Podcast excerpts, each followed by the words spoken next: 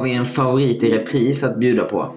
Jag och Erik Bäcklin slås ner för ett litet samtal om klättring, träning, grader, etik och moral, mat och sömn med mera. På grund av vissa oundvikliga omständigheter och inte dålig planering från min sida tvingades vi spela in i hallen till en fritidsgård. Otroligt nog blev vi bara avbrutna två gånger varför konversationen är något fragmenterad vid dessa tidpunkter. Trots allt blev det ett mycket trevligt samtal, som alltid med Erik.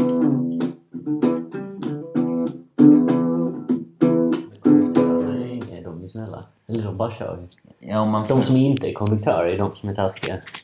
Så länge man följer reglerna så är de snälla. Så, så fort man börjar begå brott så är de inte lika snälla. Nej, det är ju det. Vad ska jag göra den här? Ehm, sätt Magen. den här. Sätt den på magen. En bit ner, jag så, det är skitbra. Vad händer annars? Eh, annars blir det för högt tror jag. Mm. Jag tror det här är bra. Jag tror också. Eller jag vet ju inte. Men det, det ser bra ut på den där Ja, lilla... det ser bra ut. Ja, men eh, konduktörer. Det är... en, en gång så hade jag så... ehm, jag skulle liksom testa vattnet lite. Ja, så jag hade, nej. köpt, jag hade köpt en biljett. Men du vill inte veta. Så skulle jag, så skulle jag se med... För du vet, de går så och frågar så nya resande. Så tänkte Ja. jag så sitta och bara... Du vet, låtsas som att jag... För att ibland så biter Låts, ja, exakt. Låter som man har visat den redan. Ja, för ibland så biter de ju och så vet de inte då. Så då låtsades jag, men så var jag inte helt säker tror jag. För jag tror typ så att jag kanske så kollade på honom eller någonting så. och då gick han fram så till mig och sa, jaha. Har du en biljett? Så jag, ja, ja, så han ja men visa. Alltså jag hörde jag så på honom att han trodde ju inte Ja, att jag han hade ville- en biljett. Han ville döda dig. För, för vem fan tror... Han, han trodde ju inte att jag hade en biljett. Mm. För vem tror, eller vem agerar så konstigt Om man har en biljett. om man har en biljett? Ja, så det- då tog jag upp min biljett och sen blev han helt så paff typ. Han blev helt förvirrad. För jag, han hade nog, jag vet inte om han hade upplevt den tidigare. Ja, nej, jag har ju varit tvungen att göra så en gång faktiskt. Ja, hur då? Jag råkade ta ett, eh, ett betaltåg, alltså när jag inte hade tänkt ta. Jag vet inte hur jag råkade ta det, men det liksom... Det var ett tåg där och jag hade bråttom som fan, så jag bara sprang på det. Och så var det liksom ett sånt som skulle till typ Stockholm eller whatever. Men det, det stannade som tur var i Helsingborg. Fast det var så, ja men det kostar liksom inte som att åka till... Alltså du får inte åka det med vanlig biljett. Jaha, så du... Så jag var liksom tvungen att, Ah, att sätta det. Alltså, ja, min acting får inte få bli straffad då. nej. Men det, är det okej att stjäla från eh, så stora företag? Alltså det är ju mer okej än att stjäla från små företag. Ja, man ska verkligen inte... Man ska verkligen, det, det håller jag med om. Man ska verkligen inte stjäla från eh, såna här små butiker och sånt. Det, det är ju... Det är liksom... Det är död. Det är djävulens eh, påhitt. Då har man, då har man djävulen i ryggen. Men att stjäla på något sånt, stjäla från något sånt stort ställe som... Eh, eller den, eh, när vi var i Font, det var, vi var ett gäng, då snodde vi alltid sånt choklad från Carrefour där. Jo, varje gång. Så tog vi med oss så. Vi hade såna stora pösiga jackor och så tryckte vi ner dem. det kan du inte bara erkänna. Jo, men vadå, det var länge sedan. Det är, pres- det är preskriberat nu. Aha, okej, det, ja men det kanske det är faktiskt. Nej, men det är Frankrike också. Ja, där, där får man ju sno, det vet ja. men, men då tänkte vi så att de stora företagen, de... eh, de eh, det, är ju, det är ju så mycket pengafiffel och sånt. Ja, ja, men ja, jag vet inte. Men Men, sen... alltså moraliskt. Ja, men då får tänkte, tänka med vad ja, det men- gör med ens själ. Ja, men liksom. den moralen väger ut den moralen. Men, men sen, det är sant det du säger. Sen hade jag en dröm där jag hade snott någonting från någon. Eh, och så i drömmen så gav jag tillbaka det här till dem. Det var typ ett telefonfodral eller någonting som, jag, som jag hade snott då i drömmen. Och sen när jag gav tillbaka det så såg jag att det var en dödskalle på fodralet. Och sen dess har jag Har inte, du aldrig tänkt? sen dess har jag inte snott någonting. Nej, men en sak som jag, eh, som jag tycker alltså, som känns som att företaget snor från är typ så här när man ser en sån donationsbössa på typ McDonalds. Alltså. För vad fan ska jag donera pengar till världens rikaste företag? Typ det är då, Nej då men, måste de... nej men donationerna, då är, donerar ju de det vidare till så här Jo, jag vet. Men, jo, jag vet. Men alltså jag som måste handlar på McDonalds, ska, alltså de kan väl donera från sin egen, Ja. sin egen kassa liksom. Ja, för det är kanske också sant. Ofta Det- så är det kanske många som inte har så mycket... Det är inte de rikaste oftast som eh, handlar från McDonalds. Nej, exakt. De är liksom... Det är ja, liksom- det, är faktiskt, det har du faktiskt rätt i. Det har du faktiskt rätt i. Så att de borde ju inte bara komma och de borde själva donera. Ja, de borde eller åtminstone så matcha varje slant med dubbla eller någonting. Alltså, ja, det är en bra idé. Alltså. Är, Eller, eller typ så här. Ja, men de har ju liksom hundratusen gånger mer pengar än de flesta så de borde ju matcha varje med hundra gång, tusen gånger. Liksom. ja. Varje krona är ju hundratusen. ja. Men hur är det med etik och sånt? Moral i klättring då? Har man det? Där, har jag ändå, där håller jag på moralen. Ja. ja, men det är ju mycket viktigare. Får man liksom, för det kommer jag ihåg när vi var små, inte när vi var små. Vi var ett gäng i, i Lund som klättrade. Mm. Och någon gång när jag var liten så, så vet jag så att jag så gärna ville göra det. Så ibland så, så låtsades jag som att jag hade gjort det fast jag inte hade gjort det. Ja, det är fan inte okej alltså. Nej. Det är, det är dåligt. Ja, Det, nej, men, får, det har aldrig jag gjort. Alltså. Nej, jag- jag- Det tror jag. Eller det kanske man har gjort. Nej, nej, det tror jag inte. jag tror jag har Alltså, gjort det en gång, men, men typ bara med alltså... ehm, jag kommer inte ihåg. Någon, jag vet inte, så här, stearin i 20 eller någonting. Liksom. Och jag vet, jag hade också en kompis som... Eh, han trillade av mantlingen och så blev han så sur att han så gav den till sig själv. Ja, det är fan men det, nej men det är Ja, verkligen man, inte... man gör, nej, för, men det gör man ju också bara för sin egen skull. Liksom. Alltså, det är ingen som Ja. sig om man har gjort eh, något problem i 20 eller inte. Nej, men, men sen tänk dig, för det blir ju ett problem om det är en första bestigning eller om det är Ja, Eh, om det är något hår, alltså så här, det, det blir också sånt med, med om man är sponsrad eh, atlet och så kan man argumentera för att ja, men då får du sponsorer fast du ja, låtsas. jag undrar om det händer. Nej, men det är, jag tror att Det var ju en man hel- måste ha betafilm. Alltså. Ja, ja, det är väl det som är det. För det, det var ju hela den grejen med... Hängde du med på det med Side som klättrade action direkt? Nej. Eh, Nej, alltså något nytt eller? Nej. Nej, han, han repeterade action direkt. Du vet vem Side är? Ja. Han repeterade action direkt.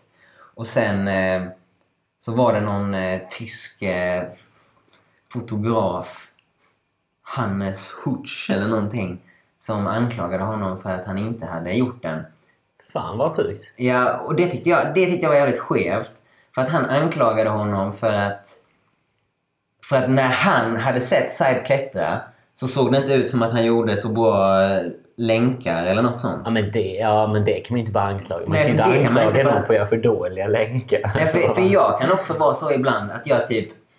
Alltså så nästan... Alltså jag gör inte ett enda flytt, men jag gör nästan flytten. Om någon hade sett det så hade det sett dåligt ut. Men sen när man sätter sig från start så smäller man på Ja, någonting. ja, så straight up vissa dagar bara suger man ju, kan inte lyfta. Ja. Alltså, så att, Ja. nej, alltså, nej, man, nej, man kan ju inte anklaga någon för att de är för dåliga. För Nej, det inte jag nej det, det tyckte jag var riktigt dålig stil att hänga ut någon så... ehm, jag vet inte. Men sen samtidigt så är det ju också... Jag vet inte, det, det känns, jag tycker det känns lite som ett träsk. Med de här att vara sponsrad och att man måste ha en video. Ja, men det beror väl på. Alltså, man behöver ju ha lite video. Sen när klättring blir större så känns det också lite... Ja, Alltså det visst- känns viktigare att Det hade liksom varit bara, väldigt- men Det är inte så svårt att göra en video, liksom, bara en beta. Nej, men det kan ändå vara psykande att hela tiden behöva... Eller att, att ibland att ha så uncut eh, footage liksom. Mm. Är ju... Det, det kan ju vara lite jobbigt att hela tiden behöva ha kameran och så tar den slut på batteri och sånt. Ja, precis. Men, ja, men, ja, Men samtidigt, om typ Nalle hade gjort den här Burden of Dreams och inte fått det på film. ja, det hade ju inte gått. Det hade varit sånt enormt... Alltså, det hade ju liksom inte gått. Nej, det hade varit ett enormt antiklimax. Man hade ju behövt vittnen då. Men, men samtidigt... Har man, gjort, har man gjort den så har man ju gjort den. Då är den ju gjord. Ja. Ehm, så... Men jag tror det hade nog inte blivit en, en lika stor grej. Eller kanske ändå. Men världens Alltså, första 9A det hade nog ändå... Ja, Det hade nog blivit kontroversiellt, tror jag. det, ha- det hade haft hög potential för Ja. kontrovers, ja. För där är det också många som har känt på den och liksom inte kunnat flytta sig en millimeter. Nej. Nej, den är väldigt mäktig ändå. För om man kollar, alltså även så 8C-plussar och sådana, många, jättemånga 8C och sånt. Mm. Så är det ju power endurance. De, Ja, ma- som är det de matar mycket, bara många flytt. Och även sen han Daniel Woods när han gjorde den där Sleepwalker sittstart. Den är ju också, den är ju, visst, det är power endurance på jävligt hög nivå. Men den är fortfarande lång. Det Ja. ju- vadå, den är ju säkert fem, minst 15 flytt eller någonting. Ja, det är den kanske. Ja. Ja, Men man tänker alla de här Det matar, små- små små flytt, ja. Det är också ett sånt Ett matningsproblem. ett matnyttigt problem. Men den är väl bara, vadå? Fyra flytt eller någonting? Ja, det är sjukt. Men det måste ju vara liksom så nära... Alltså det kan inte gå att göra mycket svårare flytt i rad liksom. Nej. Nej, man undrar det. Men sen samtidigt... Ja, det känns ändå som att han har eh, pushat det ganska långt, eh, en nalle. Men tänk sen, de, eh, alltså så, träning och sånt utvecklas ju också. Alltså man kollar på många av de japanerna, vi snackar om han som jag kallar Shinuki, vad heter han? Ja, ja vad, vad heter han nu? I alla fall, han väldigt eh, korta japanen som är extremt lätt. Men om han hittar någonting som passar honom. Ja, det finns ju ingen som kan liksom repetera. Det Nej, jag tror han säkert skulle kunna sätta upp en 9A+. Ja, ja, men alltså exakt. Och så den skulle säkert känts som 8C för honom eller någonting. Sen hade ingen i världen kunnat, eh, kunnat göra. Ja, men det blir så. Alltså på den, den högsta nivån blir det ju jävligt mycket ens egna stil Mm. som avgör. För han hade ju inte kunnat repetera något där du behöver ett långt spann. Alltså det hade liksom inte gått. Nej. Det hade ju blivit helt omöjligt för er som något han hade kunnat göra. Det blivit helt omöjligt för någon Ja. med ett långt spann. Ja, och där visade det sig verkligen hur skevt det är med grader. Mm. Men också, men för jag tror ändå... Klättring är ändå så pass ungt och så, plus att det är så pass tekniskt. Ja, jag tror det finns lite mer utrymme där i boulderingen.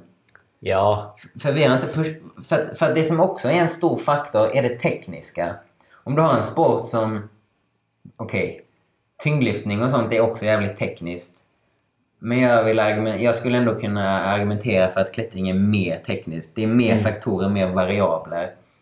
Och då har du mer utrymme innan du når den fysiska gränsen.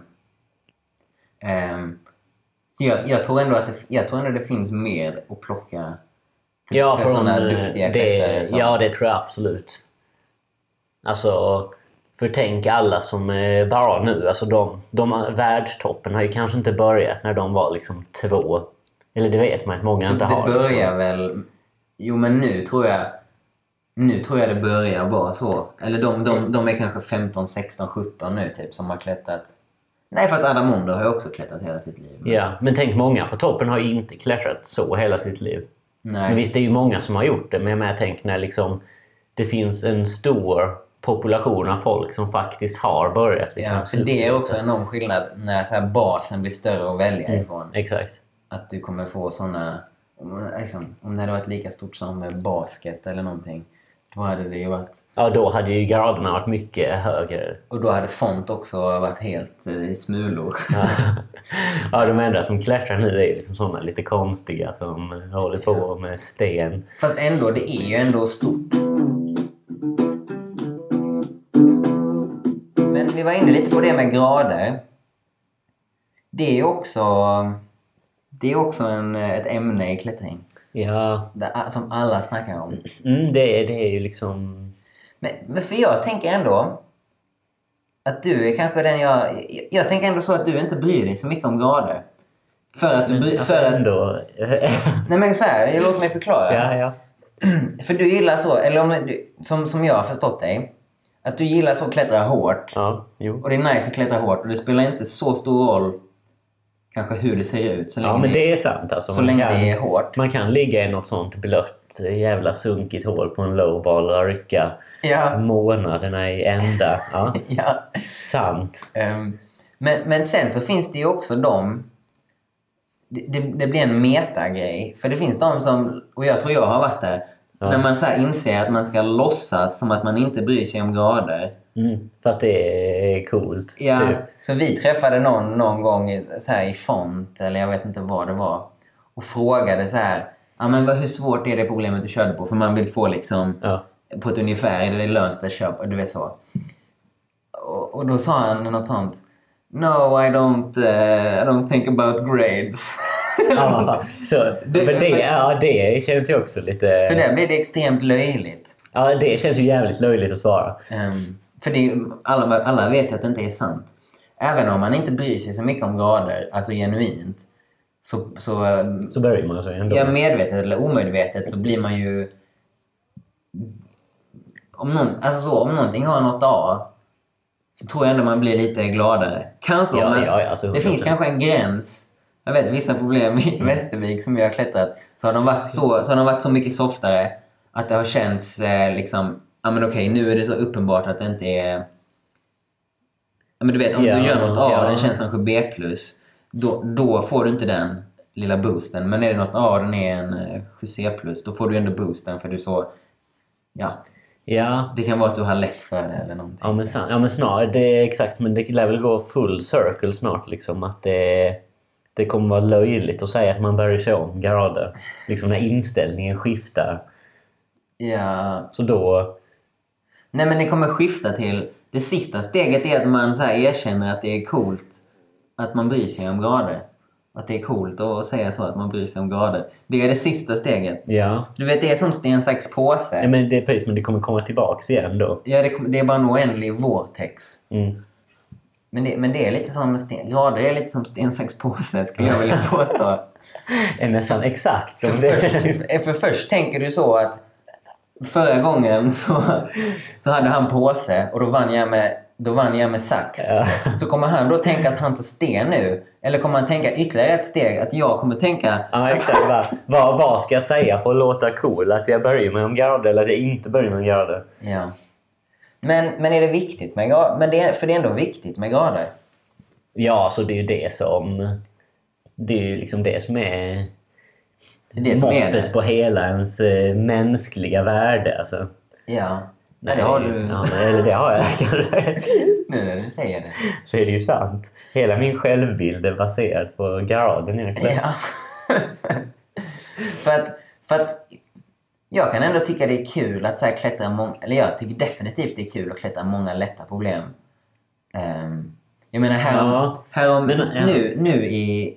Innan hösten så utvecklade jag ett nytt ställe som heter Panshamn. Där, där jag gjorde 150 nya nyturer. Mm. Ja, jäklar. Det Och, och allting, inget var så jättehårt men det var extremt eh, tillfredsställande. ja, det är mycket borsta och mossa. Ja, mycket borsta mossa, mycket klättra lätta saker upp till 7B kanske. Mm. Men, men sen känner jag ändå att jag också... När jag har, om jag har gjort det ett tag så vill jag också göra något hårt. Mm. Ja, alltså det, det jag känner att man får ut av låga grader är bara att de hjälper en typ att klättra hårdare grader. Men det... men Men är det inte lite så? Det alltså? håller, nej, inte alls för mig. För jag kan verkligen uppskatta att klättra lätta problem. Att de i sig, de är liksom ett mål i sig. Att det man får riktigt... inte ta i så jävla mycket. Nej, ibland. Ibland får man. Om de, då, om de är tekniska och så. så ja, men precis, men då, då, då, då ger det något. Då hjälper ju liksom en. Mm, du menar så. Mm.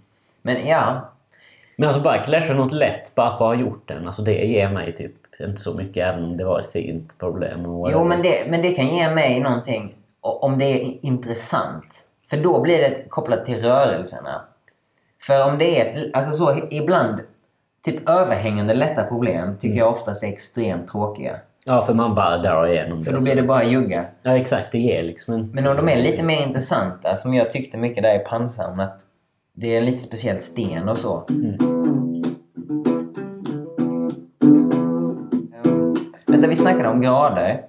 Vi måste leta oss tillbaka nu. Ja. Vad var det för någonting?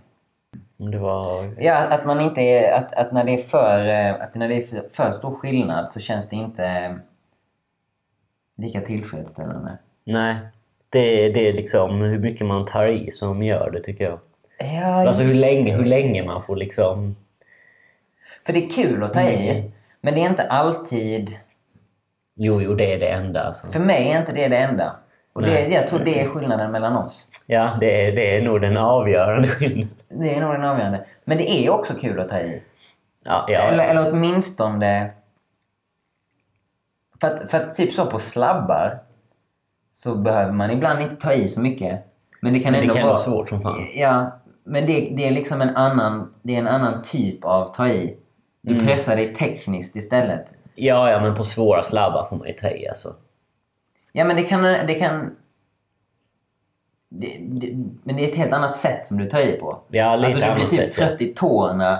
Ja, men det, och det, du kan bli lite så trött i huvudet för att det är, du vet, det är lite så sketch oftast. ja, men det räknas lite till att ta i, tycker jag. Ja, okej.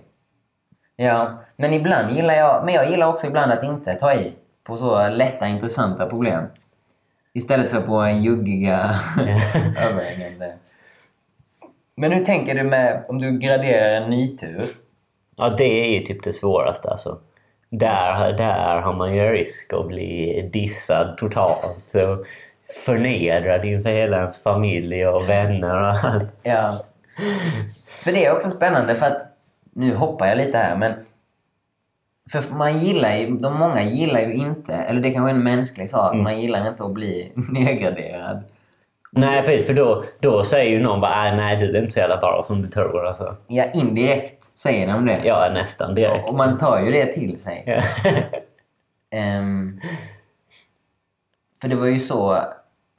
Men, men... Ja, ja, men det... det för för typ det när Ale- Alex Megos satte upp bibliografi, en 9C, Mm. och sen blev den nedgraderad direkt. Ja, det är ju en stenhård diss alltså. Det är faktiskt en diss. Men sen så hittar de ju... Men, det, men inte, nöd, man, alltså inte nödvändigtvis. Inte, inte 100% nödvändigt. Alltså hittar man liksom en nibar eller något sånt, Ja. då är det inte så dissigt. Men, det, är någon- men det är fortfarande så, ja okej, du hittar inte det här. Du, det är ändå li, alltså, det, det är ändå lite så. ja. Men... Ja, men alltså en, en, en, en nedgradering och som använder exakt samma beta. Det är ju nästan ett eh, hot. ja. nej, men alltså nej, men det är klart man kan ju gradera helt fel. Det är ju, då är det ju till för upp och nedgraderas. Fast det känns ju som, ja. som att... Och det går tillbaka till styrkor och svagheter. Ja. Hur olika... Hur, ja, Nej, man ska, man ska inte känna sig för dissad faktiskt. Det är ändå okej. Nej, men det kan, det är, kan vara lite knäckande liksom. Om man, Ja. om man retar sig lite på... Men man, man måste också våga uppgradera. Liksom. För, Ja. för det kan ju vara så från den som liksom gör själva upp eller nedgraderingen så är det ju svårare att uppgradera då istället. Ja, det är sällan... För det tror jag är också ett fenomen. Att det är sällan folk uppgraderar. Mm. För då säger man ju jag är svagare liksom. Mm. lite indirekt. Men, men det tror jag också är att som duktigare klättrare så har man lite mer själv... Eller så. Man vet att man klättrar hårt. Mm. Ja. Så då tar det inte så mycket på egot att säga att ja, men den här var Ja, det svår. sant, den var kanske. svår för mig. För jag tror det är annorlunda. Jag vet ju när vi liksom... Det, det gänget i Lund. När vi klättrade. Mm. Då negerade vi ju allting. Jag tror det Ja. är annorlunda när man är... Jag tror det är annorlunda när man är yngre och, och har... Man vill liksom vis, ja, Ja. visa... Man har någonting att bevisa. ja, för nedgradering. Ja, precis. För det, det, är ju, det uppgraderas ju väldigt sällan. Ja.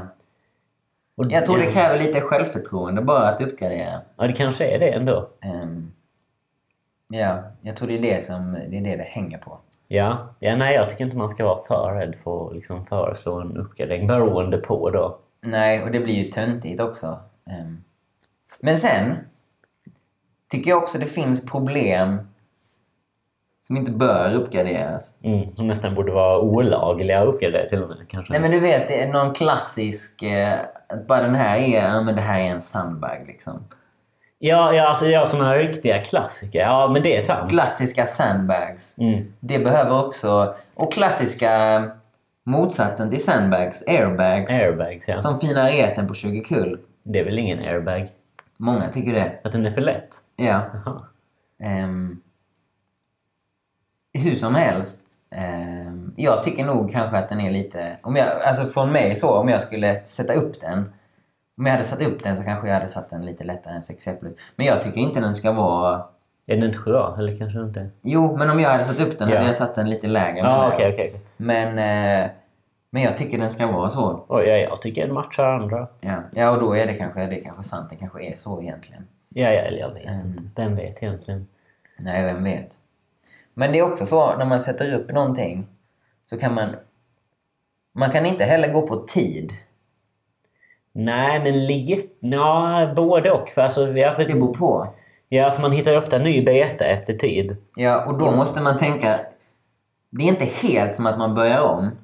Men det är nästan som man börjar. Men det kan vara Det nästan... kan vara men, du kan ändå, men ibland så kanske du har positionerna och sånt i... Men ja, man kan ju lätt ha spenderat månader på att liksom göra någonting som inte gav någonting för problemet alls. Och så hittar man ny beta liksom efter ett halvår och så var det lätt. Och, så, och då tog ju problemet ändå ett halvår att göra fast du gjorde det typ på två försök. Ja. Och det kan vara lite knäckande också. Ja, det Om du har liksom lagt ner tid för en 8B. Mm. Som att det, tidsmässigt känns det som en 8B, men så belönas det med en 7C. Eller? Ja, ja, det är pissigt. Men man måste verkligen testa alla helt otänkbara beta direkt. Alltså. Ja, men sen finns det... Det var ju som på Luftig kö till nådens öga, den 8B-plussen som du satte upp. Så hittade ju jag en annan metod. Ja, men den är ju bara straight up svårare för i alla fall mig. Ja, men min metod är mycket lättare. Eller jag kan ju inte göra din metod. Nej. Men min metod är istället extremt eh, teknisk. Och det är nästan så att eh, man lägger några sådana väldigt specifika hälar. Och efter ett tag så slet de sönder skorna. Skor, ja. Jag behövde ha ett speciellt par skor. Så den, ja, jag vet inte. Jag vet nästan inte om... Jo, men det är väl tekniskt men också bara materiellt på något sätt. Ma- en materiell beta. Ja. ja, men det finns också alltså. Ja. ja nej, det, och bara på slabbar om, om skorna är kassa så... Ja, eller, mjuk, eller mjuka eller hårda eller vad det nu är för sorts slabb. Liksom. Ja, ja nej det är ju definitivt, eh, definitivt skillnad. Ehm, Ja, sånt är också intressant faktiskt. ja, och sen med så här enmoves boulders är ju också hårda. Eller de känns hårda. Ja, fast där blir graden oftast lägre känns det som. Nej, jag tycker tvärtom. Att Tycker du det- tvärtom? Jag tycker, åtminstone tycker jag att det borde alltså- vara så att enmovare är hårda. Ja, men man, hela man får ofta slita mer för... Ja, för hela sjuben. Alltså om du har en sjubé med 10 flytt Mm. och du har en sjubé med ett flytt. Då ska ju alla de 10 flytten motsvaras i ett flytt. Ja, precis. Och det är ju jävligt hårt. Men jag tänker att det ska vara så att om du är på den här nivån av fingerstyrka så kan du göra båda dessa problemen. Och då, då är det Ja, liksom, alltså om du har ja, om 7D-fingerstyrka så kan du göra både det här och Ja. det här. typ. Mm, tror man, att det som borde men då måste man också... Ja, för de kan ju vara tekniska och så vidare på olika Ja. sätt som gör att... Men... ehm, Men avgörs inte bouldergraden mest på fingerstyrka? Att det är det som liksom är grund... Eller det är det väl, det blir det väl automatiskt. Men det känns som att det är det som nej, det tycker inte jag. inte... För du kan ju, om du är helt dum i huvudet så kan du ju slita hur mycket som helst. Mm. Ehm, om du missar tåkroken så känns det omöjligt. Alltså man kan ju Ja, klättra saker ja, dumt. Ja, det är klart man kan. Ehm, och desto smartare du är, desto mer blir det dumt. Och hur, hur, vilken smarthet går man efter? Man, eller så, förstår du vad jag menar? Man måste ju tänka, man måste ju gardera... Jag tänker så här att man garderar efter den perfekta sekvensen. Ja, men alltså, Som någon har hittat. Ja, bästa. exakt. Ja, för ens IQ är ju inte det som är begränsande för vilken grad man klättrar. Det kan ju vara så. Ja, men, ja, det kan, det kan, det kan. I vissa, i vissa fall. I vissa specifika. Ehm, ja. Nej men alltså, så enmovare tänker jag är hårdare och sen mantlingar. Ja. Rena mantlingar är också hårdare för de känns alltid så brutalt hårda. ja, det kan verkligen vara sjukt, ja. Men, men ofta kan många folk göra dem trots att de är så hårda. Mm, Ja, det är sant. Vad är det sant? För det är så... För som klättrare är man inte van vid, när det blir så fysiskt. Mm. Jag tror det är lite grejen med off-width-klättring också. Att det Ja, känns det så... vet man ju inte vad... Nej, jag, jag har aldrig gjort det. Men Jo, med, har, har du inte gjort den här... Vad heter den? Astronaut? Eller? jo jag har gjort med- Astroman på 20, Astroman. Men, men det räknas okej då. Det kanske är en... Men, men det räknas knappt. Det är typ som man ska klämma sig upp mellan två stenar vid, vid, Coolt. vid Sonic. Ja, det, är, det har sin charm ändå. Och det är jobbigt. Så att man kanske... Jag vet inte om man nödvändigtvis blir andfådd på den. Men du vet, det är jobbigt. Du vet på... ehm, om du har bara ett jävligt krimpigt problem och du har Mm. fingerstyrkan så känns det inte alls svårt. Nej, exakt. Men, men ett sånt problem, ett brötigt problem som har låg grad, det känns svårt. Det känns alltid Det svårt. känns svårt i vilket fall. Men någon som kanske bara klättrar 6A kan ändå bröta sig upp där om de har liksom Ja, lite vilja och, och, ja och exakt. lite, och Men det är väl så grader biceps. ska vara liksom. Ja. Och sen i svar också är hårt graderade. Borde de vara. Och det, men det blir de ju också för att där står du mer på fötterna. Du kan använda din fingerstyrka mindre. Ja. Så att även om du är stark får du slita som fan för att... ja, ofta så går det att så här... Det finns mer... Eh, ett större tekniskt moln som du kan leta dig in i. Ja, ja, oftast exakt. än vad det finns. Ja, Även om- finger, Fingerstyrkan liksom blir en mindre faktor. Ja. Och det är den som liksom bestämmer ändå hur hårt det är på något sätt, tänker jag. Ja. Men om vi går över till projektering. Jag, vet Ja. inte, jag tror vi snackade om det lite förra gången.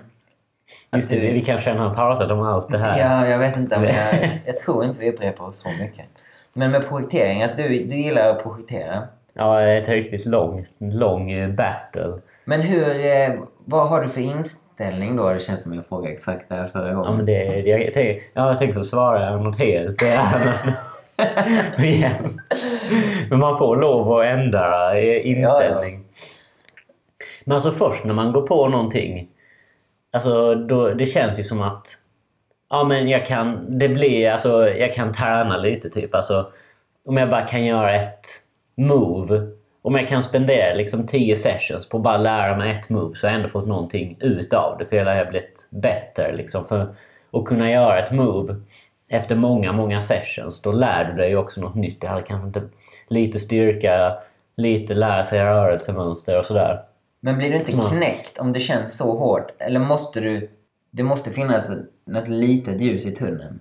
Att det. Ja, men det, det kan ändå vara ganska mörkt alltså. För, för mycket... Alltså, man går ju ofta på något stenhårt. Liksom bara, nej men det här, det här kan jag komma tillbaka till om fem år. För det är ju det som är nice också, att stenen Finns är kvar. ju där. Liksom, så att Mm. det är inte, det är inte, jag har ju inte slösat någonting direkt. Och det, jag tror att det är det som gör att man kan hålla på länge. Att det känns inte som man har slösat bort någonting även om man kanske inte skickar problemet. Nej. Men sen kommer man också... All... Eller om det är ett längre projekt så kommer man ofta till en punkt... Det går liksom lite bättre, lite bättre, lite bättre. Och det, och det är eh, baserat på att du blir lite starkare, du Ja. hittar bättre metoder. Du blir mer specifikt stark för just det problemet. Du lär känna problemet. Och sen kommer du till en punkt, oftast, där du antingen ska sätta ihop hela saken eller så börjar det bli mentalt för att då börjar huvudet fucka upp saker och ting. Mm. Jag tror Adam Ja, Ondra, Adam Ondra sa något sånt att huvudet bara begränsar egentligen. Ja. När det kommer efter Ja. man har listat ut liksom. Ja, att, huvudet väger också lite. Så att, ja, att då, då vill du egentligen bara dekapitera dig själv och utföra, utföra. Men det är lite så. Då vill du bara utföra utan att tänka egentligen. Ja. Som en robot. Men, men så när man kommer till den punkten så ofta så lyckas man inte med det. Eller många gånger. Kanske nästan alltid om det är svårare. Mm. Hur, hur hanterar man sånt? När det börjar gå sämre istället? ja, det är ju nästan det svåra. Men jag tror att när man är på punkten att man kan göra alla moves och liksom... Ja, men nu ska jag försöka sätta ihop det. Ja. Då kan man...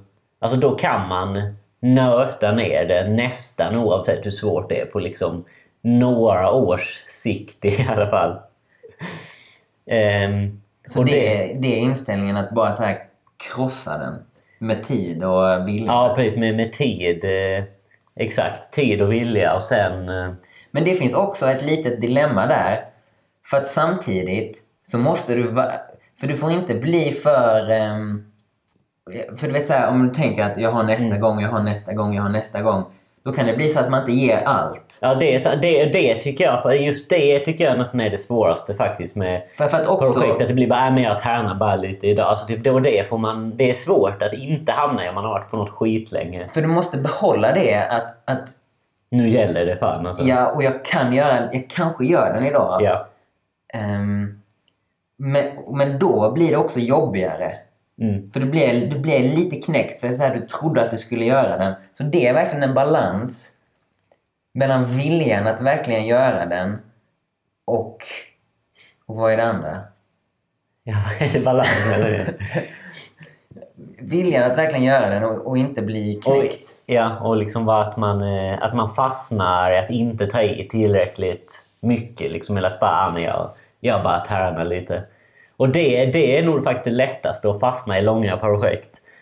Jag ofta, och, det, och då, man hamnar ju ofta i läget att man åker liksom på, så här, på slutet när man egentligen har gjort det svårast. Typ ah, men det här borde jag kunna hålla i. Så jag har kört... Alltså jag brukar träna liksom eh, när jag har varit på långa projekt där man i slutet liksom matar eh, de sista moven. Så att du, verk, alltså så att du, får liksom, du har lite uthållighet på dem. Du har gjort dem så många gånger att det liksom bara sker helt automatiskt. När du känner, och du gör det när du känner att det börjar gå mot slut, slutet i processen. Ja, precis. Och i slutet av, eh, av sessionen också. Liksom. Ja, när du att man tar, att man, när man är så lite... Ja, men jag har gett mina liksom, fem bara försök. Att man då verkligen gör sig helt trött eh, på garpen och på moven. Och sen liksom mycket vila så att de får verkligen sätta sig. Så att man kan göra dem helt automatiskt om man kommer tillbaka till den punkten. Ja, för det, det kan verkligen vara fatalt. Om du har ett sånt långt projekt och funkar upp det i slutet. Ja, för det gör man ju nästan varje gång. Om det är många svåra moves så lär man ju fucka upp det. Liksom. Ja, Ja, men men, man borde- där var det svåra nästan slut. Men jag den här precis innan. Och så i huvudet känns det som ja men jag gjorde den så jag behöver inte ta i så mycket mer på den igen. Ja, men, men det, ja, för det är riktigt illa för det mentala. Ja, det Så man, man får... eh, Det är ganska allvarligt om man trillar efter kruxet. Ja, ja alltså det, det kan verkligen sabba. Ja. Ja, och sen om det, om det är något riktigt hårt, som det här luft i kö, man, då behöver man konde- eh, jag pratar engelska, man behöver bra förhållanden. Det är många saker som ska klicka. Ja, Och då kan det ta väldigt lång tid igen innan allting klickar. japp, exakt. Men, men det var intressant, för när jag körde på den här luft i kö, Mm. Då tror jag att i rätt många sessions så tänkte jag bara att det var att jag arbetade på den typ. Ja, Jag kände liksom inte så här... Det, det kändes typ inte som det fanns någon chans att sända den. Men, jag hade, men samtidigt så gjorde jag typ... Jag delade upp den kanske i två eller tre delar och jag gjorde de delarna ganska lätt till slut. men jag, jag, jag tror det är bara att göra. Och verkligen tänka på liksom vad gör jag med typ fötterna eller händerna? Så bara vad är det som gör att det funkar? Jo, jo, absolut. Jo, och För verkligen... det, det kan man göra om, det inte, om man tänker lite mer tärning, om man tänker lite mer sänd. Så tappar man lätt eh, vad gör jag och det blir mer jag måste göra liksom. För du har också en begränsad del av den här viljan att ge allt. Mm. Är det liksom en pool att du har bara...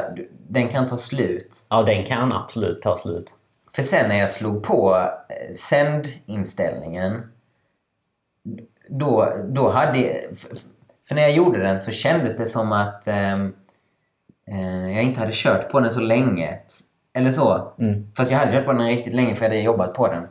Men, men det var typ de två sista sessionen som jag så tänkte, okej jag Och ska... det här är första gången jag tar i. Ja, alltså det kändes lite som att jag bara... Och nu gick den. Det gick ganska snabbt. Och så bara, nej just det. Jag har fan jobbat på den här. Ja, men det är som är så sjukt att man har så mycket mer i sig än vad man typ tror. För flashförsök kan ju också vara så helt otroliga. Ja. Jag har haft liksom flashförsök där man typ har gjort det och sen bara... Ja, men sen tar det 10 sessions innan man kan göra första movet. Typ. Alltså, typ. Ja. Och det, kan, det är rätt sjukt. Att man, man... Det blir liksom bara rätt på något sätt för man är, han inte har gjort det innan också. Ja. Det är den djupa viljan. Ja, exakt. Det, det är den djupa viljan. För det jag har också, eh, när jag tänker på den djupa viljan så tänker jag på ett ehm, problem som jag klättrade någon gång. Eller man har haft det på flera ställen, men jag tänker på ett specifikt problem. Där jag gjorde ett flytt och det var myggigt och jävligt och jag liksom ville inte Ja. trilla ner och behöva klättra det igen. Det var som mitt i sommaren. Och så, i mitt huvud hade jag trillat, typ. Eller det kändes så som att jag hade kommit ner. Men sen så insåg jag att jag hängde kvar. Det är en cool känsla för då, då har man på något sätt tagit av ytterligare någon reserv som fanns där. Ja, men för man känner ju verkligen när man tappar in till den djupa viljan. Ja, Och det, det, Ja. det, ja, men det känner man verkligen. Och det, kan ju, alltså det behöver ändå lite speciella omständigheter. Jag menar, har man gjort typ mycket med huvudet eller så här. Ja men typ att man har pluggat mycket eller whatever. Så, så då kan det vara riktigt svårt att komma in till den djupa viljan. För att du liksom... Aha. Du, man vet ju vad man ska göra. Alltså du, det är den animalistiska Ja, ja, exakt. Ja. barbar-inställningen. Ja, man kan ju ha sin lilla, liksom, vad man gör för att ta i hårt, liksom gör alla cues och allt rätt. Fast det där lilla extra kommer liksom inte fram Av någon anledning. Det har jag aldrig tänkt på. Ja, men det, det tycker jag ändå att jag kan märka. Ha, men har du såna cues som du nämnde, små saker som du gör för att hamna i rätt inställning? Ja, men absolut. Vad Vill du dela med dig av det? Nej, det, det är faktiskt hemlighet. Det, det, Det är så? Det kostar... Nej, nej, det är klart. Nej men vissa har ju så, man har något mantra eller... Nej, nej, men jag... Alltså det är, en, det är en viktig sak att tänka på. Men som man också kan, om man är lite seg i huvudet så kan det vara liksom lite svårt att komma in att man ska... Eh, alltså andningsmönstret gör enorm skillnad tycker jag. Ja. Att man håller andan när man gör svåra moves. Och att man hyperventilerar lite innan liksom.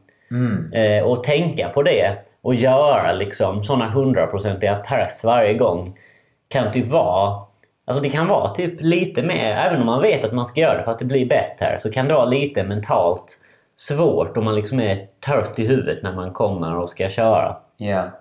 Och det är, det är, typ, det är nog min liksom, bästa eh, så cue för att ta i mer. Och det hjälper ju. Andning. Det är enorm skillnad alltså. ja. Ja, andningen ja. Jag vet bara, jag tänker på den, vi hade en resa till Västervik. När jag gjorde Soulfly. ja. Du gjorde den typ ganska lätt. Det är en 8A i Det, Västervik. jag, jag kommer inte ihåg att det var så lätt. Det kände, där känns det lite Nej men du gjorde den lättare än mig i alla fall.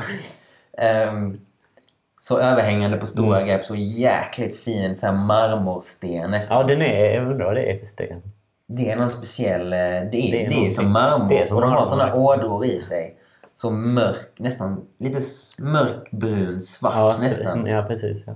Ehm, I alla fall så här överhängande fysisk stora flytt. Och där vet jag, och ganska lång, det är också lite power endurance. Mm. Och där vet jag att jag fan andades mig upp. ja, Jag kommer bara ihåg att det var så som ett lokomotiv typ. Och, för då trodde jag så nästan att jag inte... Jag tror jag var rätt nära min fysiska gräns. Och jag gjorde typ allting rätt. Och sen så... Jag kommer ihåg det var något flytt och jag kände så hur jag höll på att tappa det. Och så bara andades jag så... ja. så alltså aggressivt Ja, men det- Och så kände jag hur jag kunde dra mig in. Och, Ja, Men det är, det är ett av de bästa tricken. Alltså. Men Ja. det är också... Alltså, det är inte bara det att du, men, du ska andas hårt. Utan du ska liksom... Det är, det är aktivering av hela kroppens eh, fight or flight system. Alltså, ja, och du skickar li- verkligen intentionen till att det här är på allvar. Mm. Och det är också det jag tror Adam Ondra är säkert en av de bästa i världen på det. Att också lite nästan få fram den aggressionen. Ja. Att så... ah, han har sina ljud. Och det Ja. gör jag också ibland. Ja, men det är bra. Jag, jag tror att det är det som gör stor skillnad om man har en bra eller dålig session. Hur mycket av det där man kan aktivera. Mm. Och ibland, alltså det jag tror också att det är fysiologiskt omöjligt att komma fram till det om du är liksom lite trött på det ena eller det Ja, andra sättet. definitivt. Typ. Det tror jag definitivt. Men, det, ja. men jag tror också att, att det blir ett svårt... Alltså så här på uthållighetsproblem så känns det som man kan pusha sig själv längre. Just för att det känns så jobbigt.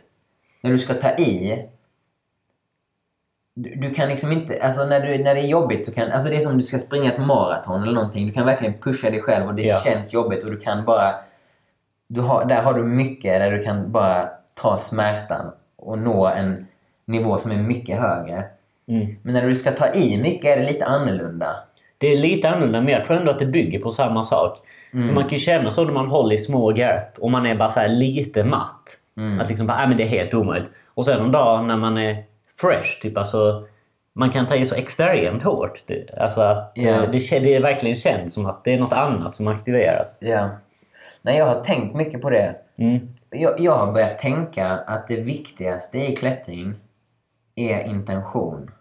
Ja, men det är, det är inte omöjligt att För, det är, för är jag har kört vissa sådana sessions där man så ska tänka på tekniken och, och allt sånt. Men nu kör jag typ bara en sån session som vi körde idag. Mm. När man försöker komma på feta problem, kanske man har något projekt. Och det kan fortfarande vara lite... Det kan vara mer maxklättring eller det kan vara mer mot uthållighetshållet. Men, men åtminstone på maxklättring så är det enda fokuset intention. Ja, Att du bara så sätter intentionen att du ska göra den och du ska ge allt. Och sen kanske du inte gör den för att det är svårt eller så. Men du går ändå in med den Ja. inställningen och då ger du dig själv den största möjligheten. ja, det tror jag det är nog alltså, superviktigt. För att ibland Det- så kryper det in sådana saker. Det är ju det som verkligen är att ta i. Det är det som är att ta i Mm. på något sätt. Att ta i är att tro. I och tro. nice. Ja, alright. Det blir liksom en, en religion. Ja. Boulder-religionen. Att ta i och tro. Vi dyrkar, eh, under, vi dyrkar en sån stor underarm. Ah, shit. Det, det, ja, men det ligger någonting i det alltså. Mm. Det ligger fan någonting i det.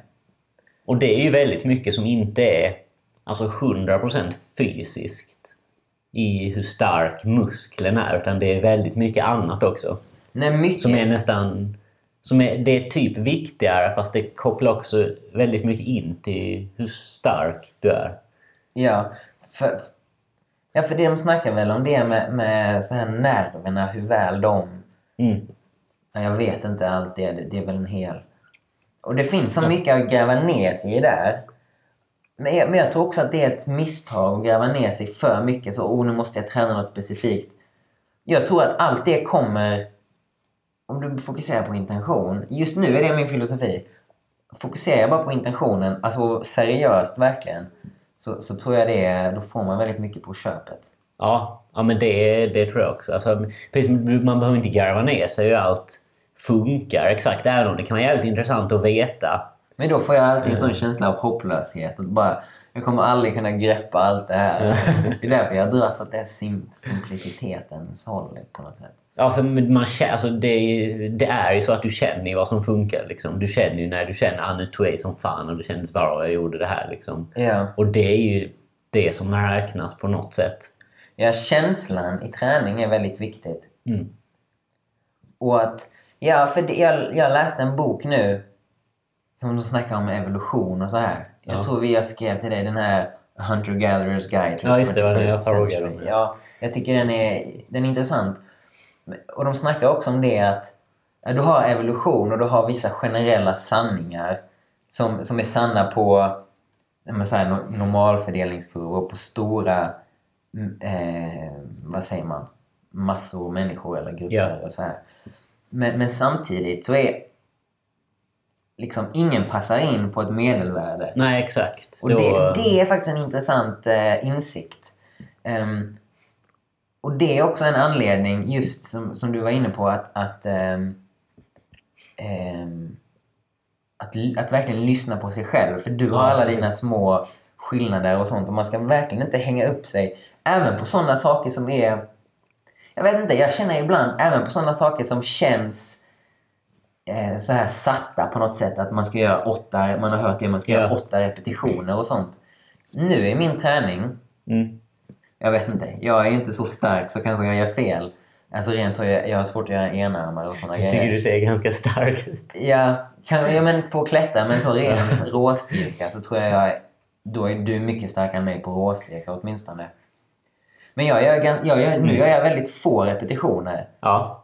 Jag gör typ, när jag gör enarmare nu igår så tror jag jag gjorde typ tre på vänster. Jag, jag var så varva, en på vänster, en på höger, Mm. gånger tre. Ja. Eh, med ganska, med så här, inte så lång vila emellan. Och, och lite avlastade med en slinga typ. Och sen vilade jag ett tag, gjorde en annan övning. Och sen gjorde jag tre excentriska Mm. på varje arm. Ehm, men, men, men varje var... Först började jag med typ... Jag gick upp excentriskt och hade typ 8 kilo i handen och försöker hålla ner hela vägen. Och sen 6 kilo och sen 4 kilo. Ja. Och, och så, så jäkligt lite... Egentligen är det, det är ganska lite. Lite volym. Det, alltså, det är tre gånger, totalt. två, Ja. tre gånger två per arm. Um, enarmare. Men efter det är jag helt slut och så har jag så riktigt träningsvärk idag liksom Mm. i bröst och... Och samma sak med... Sen så kör jag någon pushövning. Har typ någon sån progression till planche push-ups. Ja. Där man så lutar sig fram eh, tills man tvingas ner och sen försöker man pusha sig upp. Och också så få repetitioner. Ja, för man känner, man känner ju ändå på något sätt vad som funkar. Mm. Alltså det, det är, för man blir ju glad när man blir bättre. Desto snabbare man blir bättre, desto gladare blir man och då fortsätter man ju typ göra det. Så jag, så jag tror man hittar ändå ganska naturligt om man testar lite. Ja, det finns verkligen... Eh. Man kan lyssna till sig själv. Ja.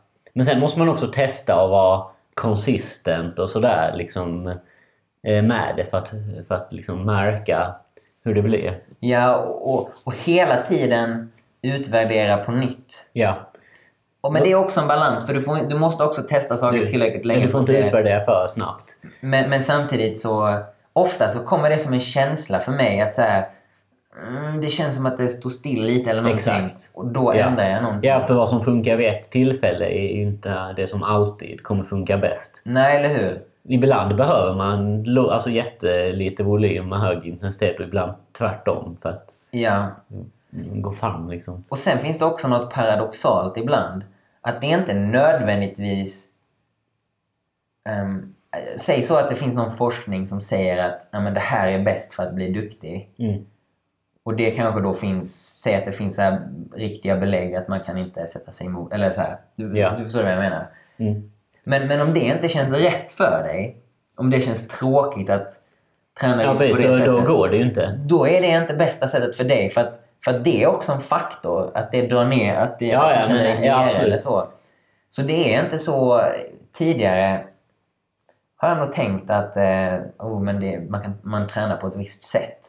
Men mer och mer har jag förstått och blivit inspirerad av dig att säga vad fan, det, när man börjar tänka efter så är det ju uppenbart att du måste, du måste känna efter. Ja, men det, det, det är ändå viktigt. Alltså jag har testat... Ett tag testade jag mycket så här periodisering där du gör ett block med så här mycket uthållighet och sen ett block med power endurance och ett block med styrka whatever. Men alltså det i mitt huvud så passar liksom inte det alls. Det blev det... Nej. Jag vibar liksom inte med det. Nej. Så att då, då blir det ju inte... Då blir det ju liksom inget. Alltså det blir, det blir inte lika kul som att eh, köra lite så här mer varierande. Så att man inte bara får göra en sak då utan så att du alltid får göra lite av allt. Typ. Ja. Men, ja. Ja, Men sen ja. har väl båda sina för och nackdelar. Liksom. Mm.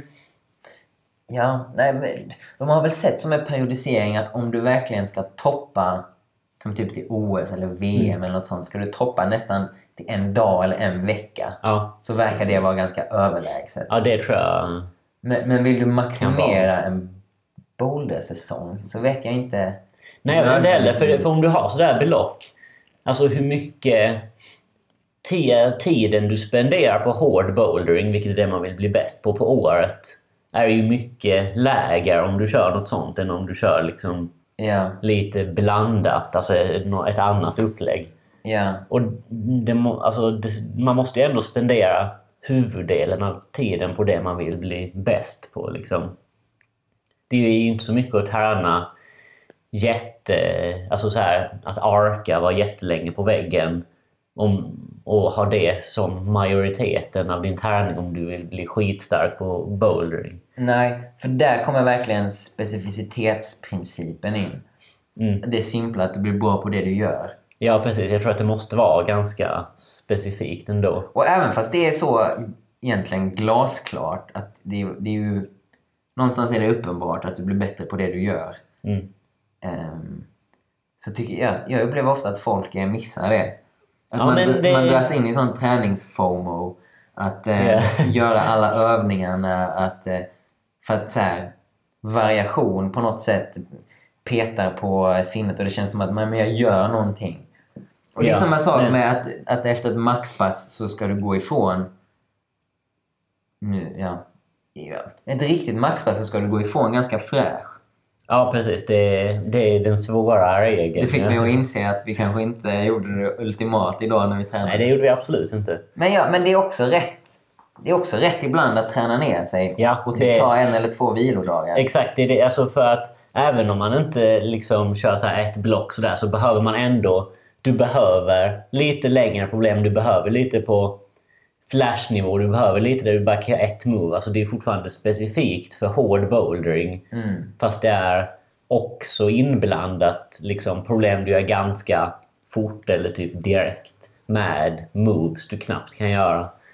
Ja. Och att du slutar fresh på vissa sessions. Och att du har sessions där du kör liksom som en stor pyramid där det blir lättare och lättare och lättare fast du har hög volym. Ja. Och båda de tror jag absolut behövs så att man inte bara kör ett stenhårt move varje dag i, av året. Liksom. Ja. Nej, det är inte bra att bli för fyrkantig. Okej, det kanske finns vissa personer som bara de älskar att vara så fyrkantiga. Men åtminstone för mig så är det definitivt som du säger. att Och vad som avgör de här olika variationerna, det är liksom min känsla för dagen, typ. Ja men eh, lite, man, ja, man ska ha lite plan fast den kan, Mm. vara, den kan vara relativt Ja, för- lös. För en, en dag du inte sant. känner dig max fresh och liksom ja men king så är det ju inte värt att Nej. bara... Då är det, det är inte värt att ta i max då utan det kan, du, du får inte ut någonting av det i vilket fall. Du kommer inte lära dig något nytt. Men Nej. du kan få ut någonting av att köra lite mer volym kanske för du, ditt huvud är tillräckligt på nivå för att klara av det. Så man måste kunna anpassa lite efter vad man känner också. Ja, för, för sen saken med struktur är också att du kan ha någon dag när du bara så här, "Ah, jag vill inte. Eller du vet så här. Då kanske du måste pressa dig även fast det inte känns helt rätt. Det är en annan balans. Ja. Hur, hur mycket ska du pressa dig och hur mycket ska du go with the flow? Ja, precis. Jag snackade, Ja, för- jag snackade med Alexej om det. Ehm, min kompis, som är också jävligt duktig. Ehm, han, eh, och han var mer inne på att alltid eh, go with the flow, alltid gå på känslan. Om att inte göra det om det inte känns rätt. Ja, men det, det beror nog på var man är som person tror jag också. Ja. Alltså hur, hur ärlig man kan vara med sig själv. Ja. För jag tror att de flesta, eller jag vet inte, men kanske ganska många har nog problemet att de pushar sig kanske för lite.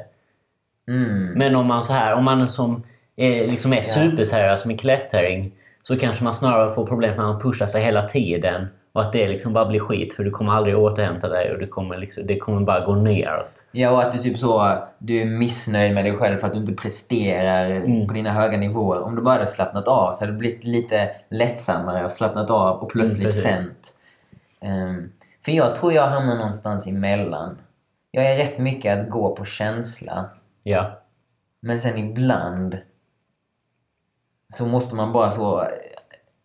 Ja men du vet ett projekt, du vet, för mig så kan det gå över och ibland kännas nästan tråkigt ett projekt. Ja. Och ibland då kan man pusha igenom det och, och, ha en, och liksom ändra sin inställning och så. Och så kan det kännas... Ja, så nästa session känns det bättre. Men om man bara hade lagt av där och då, då hade du inte kommit tillbaka nästa session. Nej, för- för då det kan man ändå lära sig mycket av. Ja. Ja, jag tror, ja, ja, man vill väl ha något sorts eh, något ultimat medel där. Jag tror lätt jag gör liksom lite för mycket. Mm. Att varje gång man har liksom så här varit sjuk eller skadad och fått lite tid av så har man typ kommit tillbaks bättre bara för att man har fått vila för en gångs skull. Typ. Ja. Och det, och, det, och det märker man ju ganska snabbt. Och det är ju någonting man kan tänka på och liksom lägga in i sin träning. Om man är åt det hållet eller om man är åt andra hållet. Att man tänker på att lägga in och bara köra även om allt suger. Typ. För, för det är också väldigt nyligen för mig som jag har börjat lägga in eh, vila i min träning. ja, just det. um, och det gör, för jag, jag har tagit efter dig alltså. Ja. Jag börjar ju köra din eh, så... Eller din. Det har väl, Min. det har väl någon som har kört det innan. Tre dagar på och sen vila en dag. Ja. Så första dagen är... Nu har jag inte riktigt följt det. Nu har jag, nu har jag kört lite annorlunda. Men, men, men typ så här... Något generellt ungefärligt. Så är det så första dagen jävligt hårt. Andra dagen kanske lite lättare, lite mer mängd. Och sista dagen mer Ja. mängd. Ehm, och sen en vilodag. Ja, ja men det är precis den tre dagar på en vilodag är ganska bra Ja. struktur tycker jag. Men den, den funkar inte hur länge som helst utan man måste efter ett tag, eh, för jag i alla fall, måste byta till några vilodagar och sen byter man till antingen två på en av eller typ en på en av. Där du kör eh, mindre volym men hårdare. Så att man, och, det är de, och jag brukar liksom växla mellan de två modesen typ, där man får mer åt volymhållet och mer åt ett hårt move men sluta fresh-hållet. Ja. Och det känns som att det är ganska bra liksom. För du blir aldrig eh, du blir aldrig så liksom mentalt trött av att bara göra hårda moves för då byter du över till att bli liksom volymtrött i kroppen. Så man växlar mellan dem så man aldrig blir för utmattad i något av systemen typ. Ja. Hmm, det låter... eh, Det låter smart. Att, att också ha variation på de stora... Ja precis, för då, då får, exakt, för då bara- får du variation mellan... Alltså du får, du får volym och du får hårt. Ja. Även om det är specifikt för hård bouldering. Liksom. Ja. Vad, vad kör du typ... Vad kör du för övningar så här om du tränar i gymmet? Gör du det? Ja, jag, jag kör lite i gymmet. Eh, Relativt lite. Eh, Men man, ja, precis, för basen måste ju ändå vara eh, hård bouldering på något sätt. Ja, det man, Men det man sen- kör på, det man bra på. Ja, jag har, jag har experimenterat med att, ha, att inte köra hangboard och köra mycket hangboard och så. Jag har nog kommit... Alltså, jag tror att hangboard måste alltid finnas med. Alltså i, i, på något sätt. Ja. Eh, i, om man ska bouldra i alla fall, eller kanske klättra överhuvudtaget. För det, det, det är ju den viktigaste övningen. Den är, näst, den är i princip obligatorisk, har jag nog kommit fram till. ja, det är liksom den specif... Det är den liksom, specifika tärningen som du blir Ja, för- stark. För den, den har ändå så mycket, vad säger man? Eh, den är så lik klättringen på något sätt. Eller du hänger ju alltid i fingrarna. Mm. Ja, det är precis. direkt överförbart. Och sen även... Och mycket, alltså om du bara klättrar, det blir liksom, även om det kan vara hög belastning på fingrarna så blir det för lite strukturerat och det är för svårt att få det lagom så att du går framåt liksom tillräckligt. Ja, eller lagom att pusha lite gränsen. Ja, precis. Ja. Det blir lite för kaosartat och endast klättrar med, alltså bara i tanke på fingerstyrka då. Mm. Eh, och sen eh, lite antagonister kör jag. Det är så mycket som behövs i princip. Vad är det för grejer då? Eh, Det kan vara liksom... eh, Jag har börjat med att stretcha ut liksom eh, i, eh, vid biceps. Vad heter det? Eh, Armvecket. Hmm. Alltså så att man... Jag brukar stå liksom på fötter och med armarna bakom mig så att man står, så det heter säkert, så man står som ett bord typ med magen uppåt och så trycker man ut armarna så man är helt avlåst. Bara för att få trycka i helt rakt läge och stärka ut liksom Ah. biceps och axlarna är motsatt mot vad man gör när man klättrar. Det, det hjälpt ändå ganska mycket för armbågar och så faktiskt.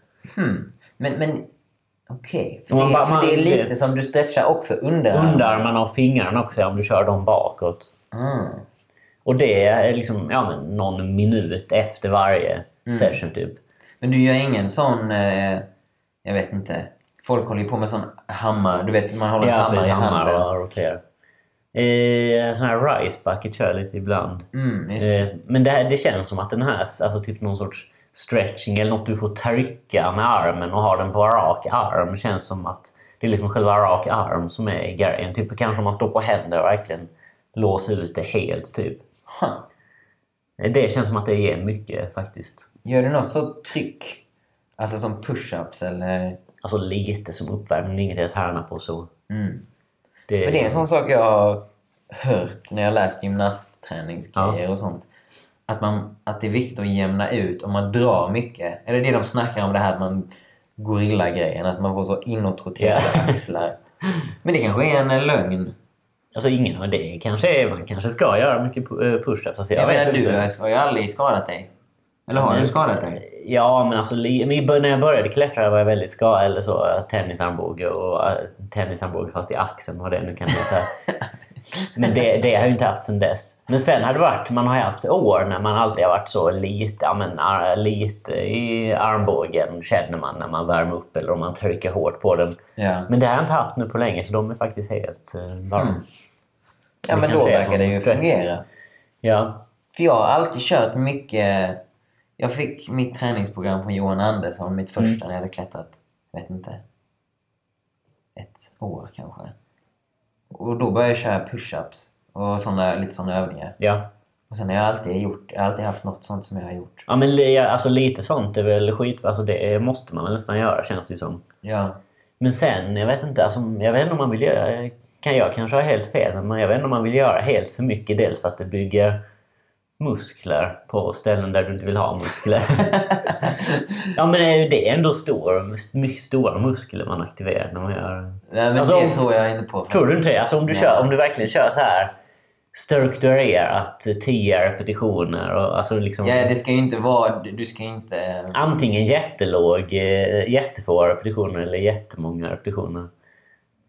Det tänker jag, men det är kanske inte alls det. Alltså jag vet. Jag tror, jag tror inte det. Alltså, jag tror... För du liksom... Och sen blir du trött av det också. Ja. Det är ju... ja nej, men... Och där, där är stretching bra, för du, du törtar liksom inte ut musklerna fast du kan ändå få lite samma effekt. Mm. Just det trycket på rak Ja. arm, det är att... För man, man är så van vid att ha den leden böjd så jag tror att det ger mycket att liksom bara ta ut den helt och trycka helt motsatt. Ja, det är faktiskt intressant. Mm. Det är nog... Eh... Men det, det här har jag inga belägg för, det är bara på. Nej, nej, men det är känslan. Ja. Det här är ju ingen eh, vetenskaplig Nej, undersökning. nej, är det absolut inte. Men eh, vad tänkte jag? Nej men jag tror inte det skadar. Jag, jag, jag kör ett sånt... Eh, jag kör typ ett fyspass varannan vecka typ. Ja. Och, och, och kör då det här konceptet. Jag har typ två dragövningar och två pressövningar, eller tryckövningar. Och typ en ben... Alltså jag gör lite enbensböj typ. Ja. Och då känns det som man täcker ganska mycket. Och det, det täcker väl typ allt. Ja, och då, det tror jag även om... Jag menar, det tror jag inte man får stora, för stora så. Nej, kan, nej det, det lär man ju inte få. Nej, jag tror generellt sett inte att, att det är någonting att oroa sig över att ha för stora muskler. Jo, men det tror jag det kan vara. Nej, det tror inte Alltså jag. jag hade lätt kunnat gå upp fem kilo liksom. Tror du det? Ja. I, i, i triceps? Inte i triceps, men i alla muskler. Så jag menar, det kan inte vara för bara att ha... Alltså, det är ju ändå... Men jag, hur fan, jag, jag bygger inte muskler om mitt liv beror på det. Alltså. Oj, jo men jag bygger nog muskler ganska lätt liksom. Ha. Och det med, vissa, sa- vissa saker är det ju väldigt bra för, alltså inom klättring, vissa inte så bra. Mm. Alltså bara känna sig lätt gör ju att man är lätt typ. Men det är säkert en sån grej om man... Det är säkert en sån individuell grej om man bygger muskler lättare också. Ja. Som min kompis Simon Andersson, Mm. även känd som Biff-Simon. Jag menar, han eh, bygger muskler lätt. Han... eh, Jag måste skryta åt Simon. jag kör på Alltså han... eh, King. han tränar ju... Han bara så tränar själv. Och så bara gör han typ såna elitgymnaster. Ja, det är sjukt. Alltså ett tag...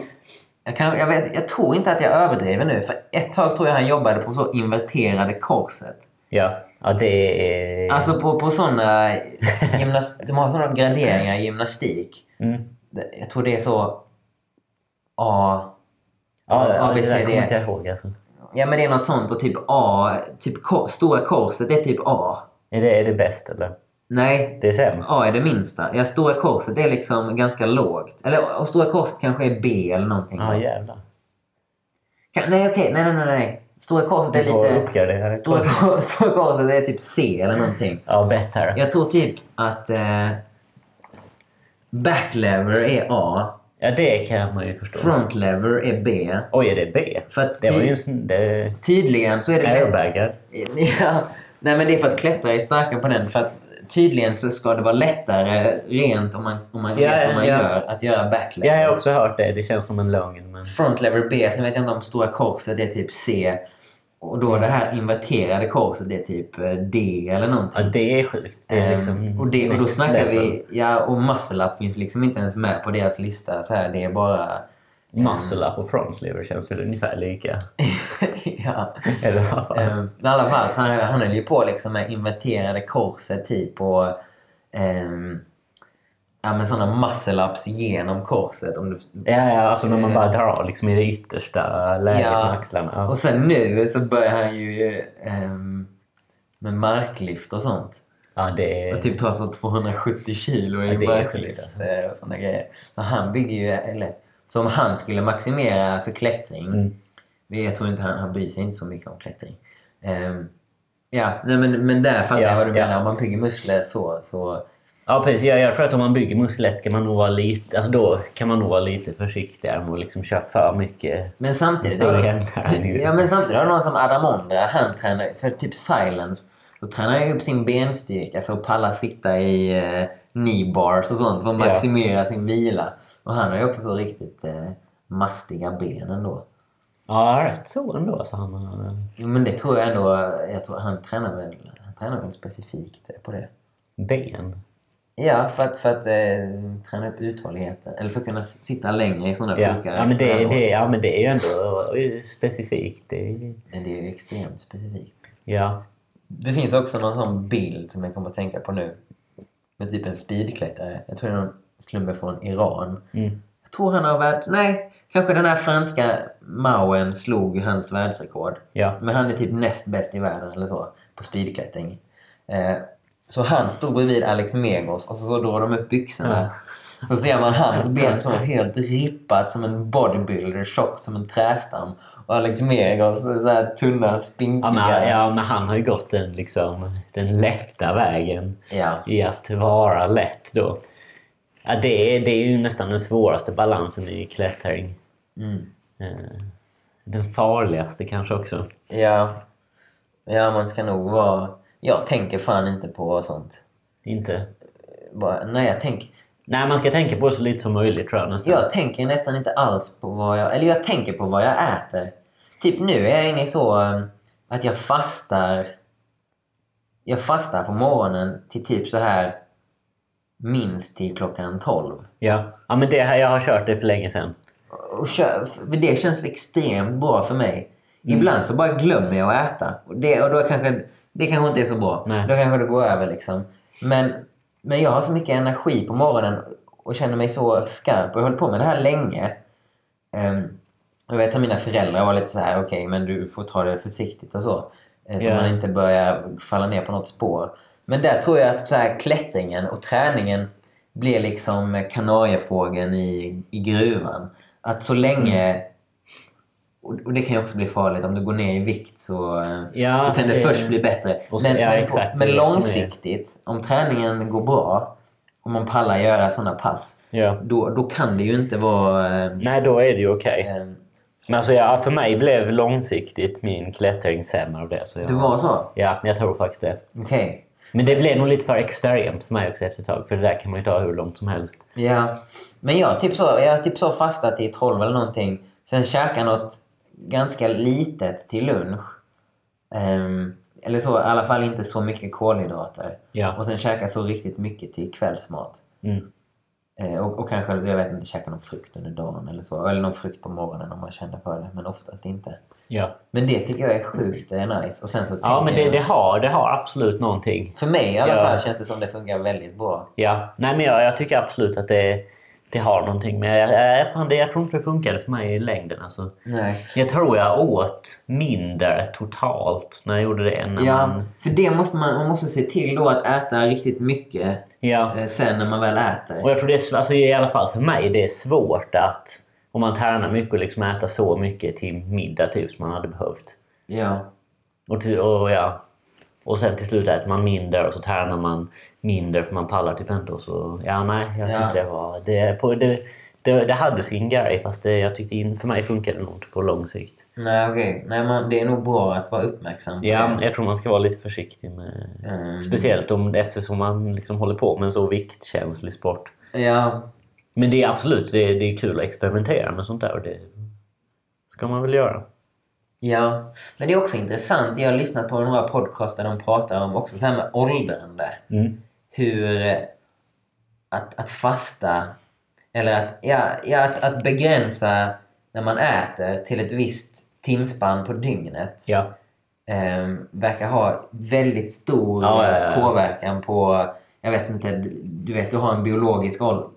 Ja, vad är det? Du har din Jo. ålder och sen har du biologisk ålder. Att, att hålla nere sin biologiska ålder. Ja, men det, det tror jag 100% på. Desto mindre en liksom, organism tar in desto längre. Och det har man väl visat många Ja, det gånger. tror, att, som jag har förstått det är det eh, ganska klart. ja, det, det, är, det kan man väl säga att det är klart. Det står liksom i många så här läroböcker och så står det Ja. faktiskt om exakt det.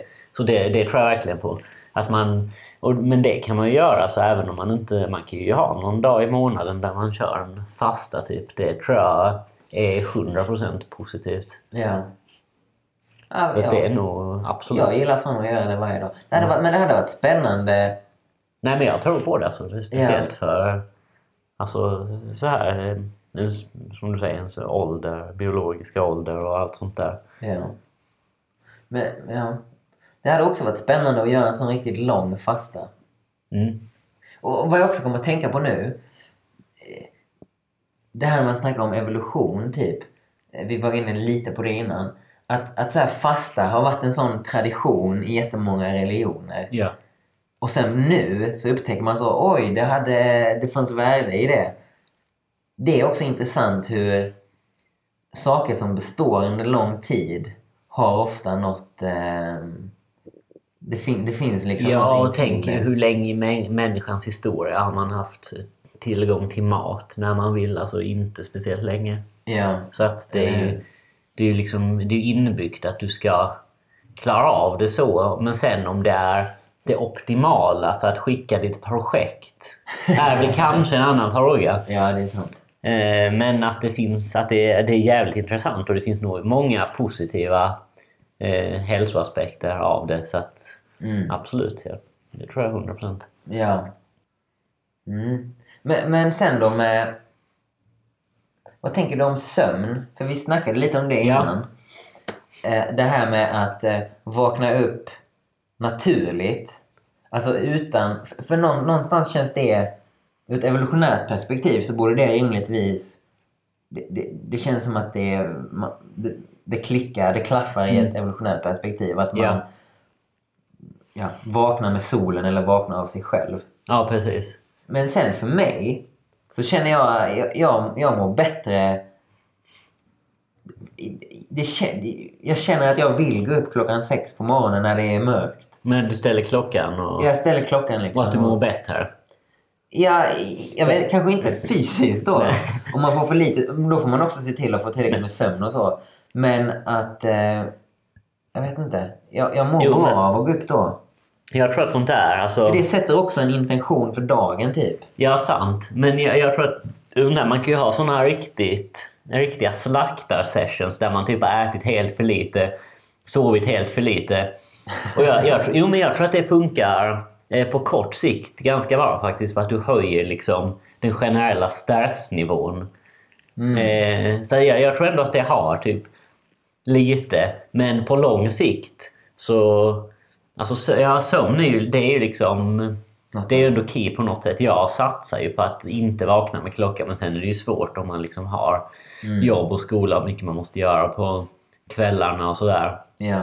Men, men det har jag kört med faktiskt alltså länge. Att man verkligen, ja men jag måste lägga mig nu så jag ska kunna vakna. Eller sova nio timmar liksom och vakna så nära naturligt som möjligt. Och det gör jag ändå liksom, ja men kanske till och med de flesta dagarna i veckan på något sätt. Det är fan bra. För där... Eh, Men det funkar ju inte om man liksom har mycket ja, Nej. typ barn eller någonting som måste tas hand om. Ja, det är klart. Det, alla har, man har olika Ja, förutsättningar. det, det liksom. kräver ju Men det är en sån sak jag tror jag kan, flexibilitet.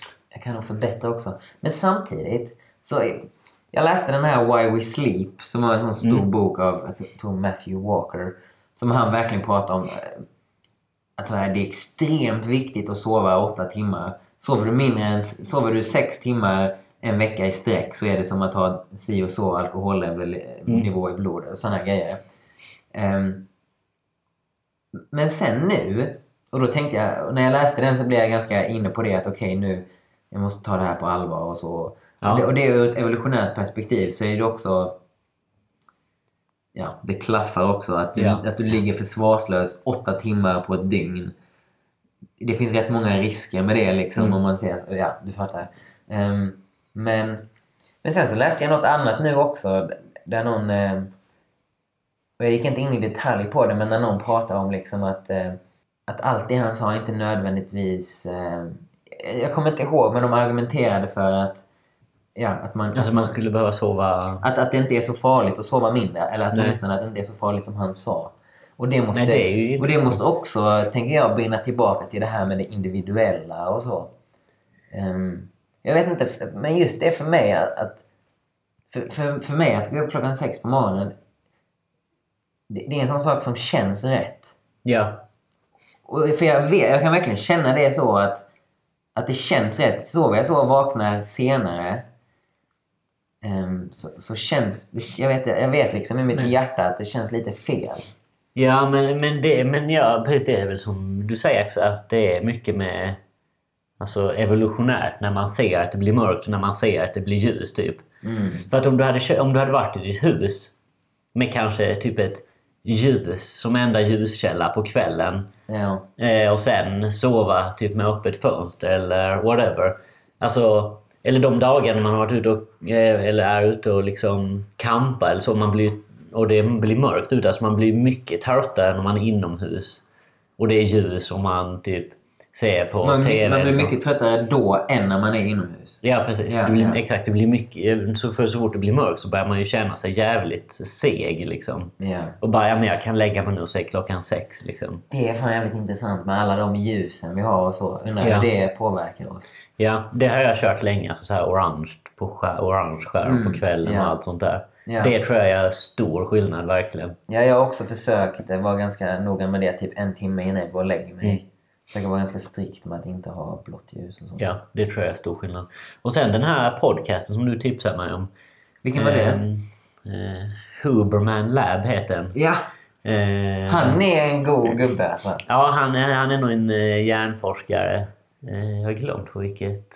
Eh, är en biologi tror jag också av något slag. neurobiolog. Neurobiologi, ja. ja.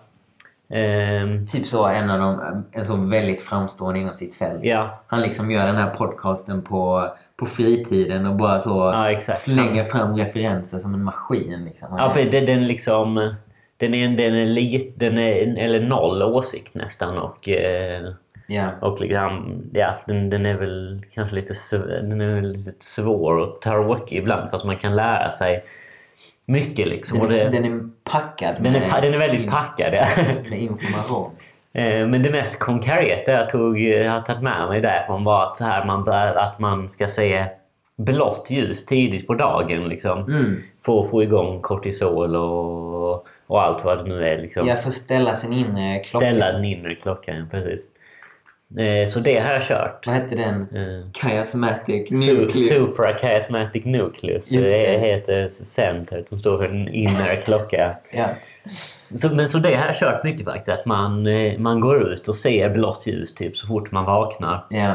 Jag vet inte, det är ju svårt att veta om det gör någon skillnad fast Jo men jag... det känns ju evolutionärt eh, vettigt. Ja men det har jag ändå... För jag, jag um, har försökt... eh, Du har också gjort det alltså? Ja, lite. Ehm, och också då typ så här för att bli lite piggare, typ ta mobilen på morgonen Ja. och kolla på, inte, inte Exakt, sociala men- medier eller så. men så för då fuckar man sig. Men få lite ljus så här, man blir lite piggare. Och sen när jag har fått ljus tidigt på morgonen, då känner... Det har jag... Okej, kan, man vet inte om man om man upplever saker Ja, och så vidare. det kan- det kan Men jag har åtminstone stark- upplevt att jag blir tröttare på kvällen Mm. tidigare om jag får ljus så på morgonen. Ja, det, men det känns ju så fast det är svårt att avgöra om det är bara en placebo eller om det... Ja. Men, eh, Men- men- det känns ju som att det borde ha någonting. Men det betyder ändå någonting om man känner så. Ja, exakt. Fall. Så um, Mm. placebo eller inte. Och sen det just att man går ut typ lite. För jag har testat att ha så här maxljus på lampan eller maxljus på skärmen. Mm. Ehm, och ha en sån här... Det som han också tipsade om att man kunde ladda ner en luxmätare till mobilen för att testa liksom ljusintensiteten. Ha. Eh, och det är ju väldigt mycket lägre eh, på skärmen eller inomhus än vad det är utomhus. Till och med på en molnig dag. Så att, Ja. Och också bara genom glas. Genom ja, precis, det är också, Det det, också det, det, kan man, det, för det är kul för det kan man ju testa själv. Liksom bara, okej, ja, men det här är ju Ja. starkt eller det här är inte alls starkt. Det, ja, det är fräckt. Jag minns mer och mer nu när du nämnde det här från, från podden. En till Mm. Ja, som... det var typ kom- det roligaste tyckte jag. Med det. Ja, han har vissa... Vissa är riktigt eh, bra, vissa är fyllda av guldklimpar. Ja, ja, ja det, det, det, varje episod har någonting som, nästan som man kan verkligen fundera på. För en annan sak nu nyligen som jag tog med mig från, från hans... Det var del, delvis från han, hans podcast. Var så här... ehm, dopa, dopamin... Mm. ehm, f- jag vet inte om man ska kalla det dopaminfördelning. Att hur man un, ska undvika sådana um, spikar eller dropp... Nu kan jag inte prata svenska. Ja, Backar och kullar liksom. Toppar och dalar. Topp- Toppar och dalar, exakt. I, i dopamin. Ehm, och, och en sak som han nämnde var då, som jag har gjort eh, väldigt mycket, lyssna på podcast. Mm. att, att man ska undvika att ehm, ha för många lager. Att samtidigt som, säg att du är ute och springer, att lyssna på en podcast samtidigt då kan göra att du får en topp. För att det blir liksom så mycket... Så mycket som... Ja, men det, det Stimuli. kan jag förstå faktiskt. Och att du då istället eh, vill på något sätt prima dig själv för att uppskatta löpningen för löpningens skull. Ja.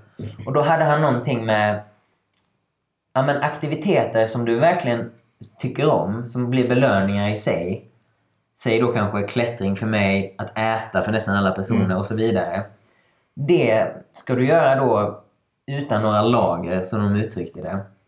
Ehm, så att du uppskattar det i sig. Ja. Och, och då undviker du, förlåt, undviker du tydligen en, en, En en, en topp. topp där. Och Och så att får- allt annat känns som att man inte vill göra det lika gärna ja, och, sen kanske. Ja, och att du då... Ja, och att det blir helt enkelt jämnare under dagen. Jag, an, jag antar då kanske att dopaminet också drar från någon pool eller så då. Att, jag, jag, vet inte nu, bara spekulerar jag. Men, men, Ja, det var det en, men det var en sak som han sa, som jag tyckte var intressant. Och sen, ehm, och sen också att när du gör svåra saker så ska du eh, inte belöna dig efteråt med Mm. typ godis eller något sånt. Vilket känns, först känns lite märkligt. Ehm, jag läste en bok om vanor där de Ja. sa precis det, Ja. att man ska ge sig belöningar. Men då menar han att man ska inte belöna det för att man vill prima det till att uppskatta det svåra för det i sig. För att, du, för att du vill inte koppla belöningen till att äta godis eller vad den det är. Ja, eller- Utan du vill koppla det till det, det svåra beteendet. Ja, det är kanske smart också. Och Eh. kanske om du får en dopamin-hit när du liksom gör någonting och sen gör du nästa gång så blir det kanske mindre och mindre för varje gång om du liksom firar, eller desto gladare du blir kanske egentligen. Ja. Så man vill kanske spara på, på det på något sätt så man ja, det är nog... liksom inte, Ja. inte firar för mycket varje gång typ. Nej. För att man ska vara driven och fortsätta med det man vill göra. Nej, och det vet jag också att de... Eh, han hade ett annat exempel om det när eh, de hade rott något stort forskningsprojekt i land. Mm. Eh, och, så, och så hans, eh, eh, jag vill säga ledare, men, men mentor eller då vid Ja. den här tidpunkten hade sagt så hmm, jag tror inte vi firar den här. Ja, precis. Det, har jag Och det var precis det du sa, att man inte, att man inte firar... Ja, jag vet inte. Att man fördelar det på något sätt så att det blir jämnare. Och, och Så man ska och- fortsätta liksom vara motiverad att göra Ja, det man håller på med. typ. Någonstans också att belöningen är saken i sig. Mm, inte att det liksom själva Ja. belöningen. Sen är det också viktigt att fira, alltså att aldrig fira, jag tror inte heller är bra. Nej. Men att inte fira allting så att, så att man liksom just det primar ehm, ja, men själva beteendet Ja, ja, det, för... det kändes lite kontroversiellt men jag, jag har också tänkt på det. Jag tror ändå det kan ha någonting. Ja, för det var en helt ny grej för mig. Och, och så, Mm. man, man fattar ändå det. Ja, man kan, man kan förstå det. Alltså Men, så, men, men jag kan också tänka mig att det blir, att, eh, att det blir svårare. Kanske om du ska börja göra något nytt. Jag vet inte alltså. För det kan, jag tänker mig det kan bli svårare att komma igång med det. Om du, för du gör ju det lite svårare för dig själv. Men kanske sen när man väl kommer in i det att det blir lättare och att man inte Mm. kopplar det till ja. andra. ja, sånt är jäkligt intressant. Alltså, det är svårt. Mm. Ja, det är fan... eh, Det är knepigt, men ja. Nej, det är kul. Det är kul att hitta sådana saker som... eh, Jag vet inte. För, för, kan förbättra en lite eller liksom göra... Ja, just med sånt man liksom bara kan typ testa ganska lätt och tillämpa så. Och bara, ja, men kan det här vara någonting? Det är ju, det är ju jä- jävligt kul faktiskt. Ja. Och det är det jag tycker är intressant med så här lära sig nya saker och läsa och mycket Mm. och så här att att det finns verkligen ehm, det finns så mycket som man inte vet Ja, och som man inte vet att man inte vet. Ja, men typ all, de flesta har ju tänkt ut något konstigt som kanske är bara så här, ja men jävligt smart. Ja, och- men, men, sen också att om, det fin- om jag, om jag så här inser att okej, jag är ignorant i viss i ganska stor utsträckning i jämförelse med världen. Liksom. Ja precis, man vet ju liksom. Och det måste finnas en mängd dumma saker som jag gör nu. som om jag hade vetat om dem verkligen inte hade velat göra. Så på något sätt känns det som väldigt viktigt att, att så, Ja, jag- så, att så effektivt som möjligt försöka lära Ja. sig mer om, om världen på något sätt. Ja, för så tänker jag ibland när man kommer på något sånt jättebra. Men det här gjorde ju enorm skillnad. Bara, Men hur många såna här saker finns det kvar? Det lär ju vara typ Ja, oändligt. Ja, och, att, och att, att de sakerna är inte bara så att oj, ehm, vägen till jobbet blir lite snabbare. Nej, utan de kan- sakerna kan verkligen... Alltså tänk dig så i en, jag vet inte, i en pandemi eller, eller vad, vad som än händer. Att, att, att, att vara mer kapabel, på något sätt är det... Ja, jag vet, det kan ju rädda ditt liv säkert i vissa situationer och det kan liksom göra att öppna upp Ja, så här möjligheter som du inte ens kan tänka dig kanske arbete eller Ja, det kan ju träning. säkert göra en enorm förändring på ens liv över lång tid. Liksom. Ja, för din lycka och din framtid Mm. och allt möjligt. Så jag tror verkligen... Ja, åtminstone för mig känns det, det känns meningsfullt och viktigt att... Ja, man ska lära sig såna liksom... Ja, men folk som liksom har testat och tänkt ut saker. Ja. Och, och, och, och man vet ju inte ens var man ska börja leta. Så Nej, det det någonstans, är det- någonstans måste man bara börja bredda sig. Mm. Och sen blev jag inspirerad av någon som sa att man... Det var en snubbe som heter Naval. Okej. Ehm, jag tror han är typ en eng- amerikansk entreprenör från Indien från början. Mhm. Men, Han har massa sådana korta one-liners och sånt. Ehm, read what you love until you love to read och sådana grejer.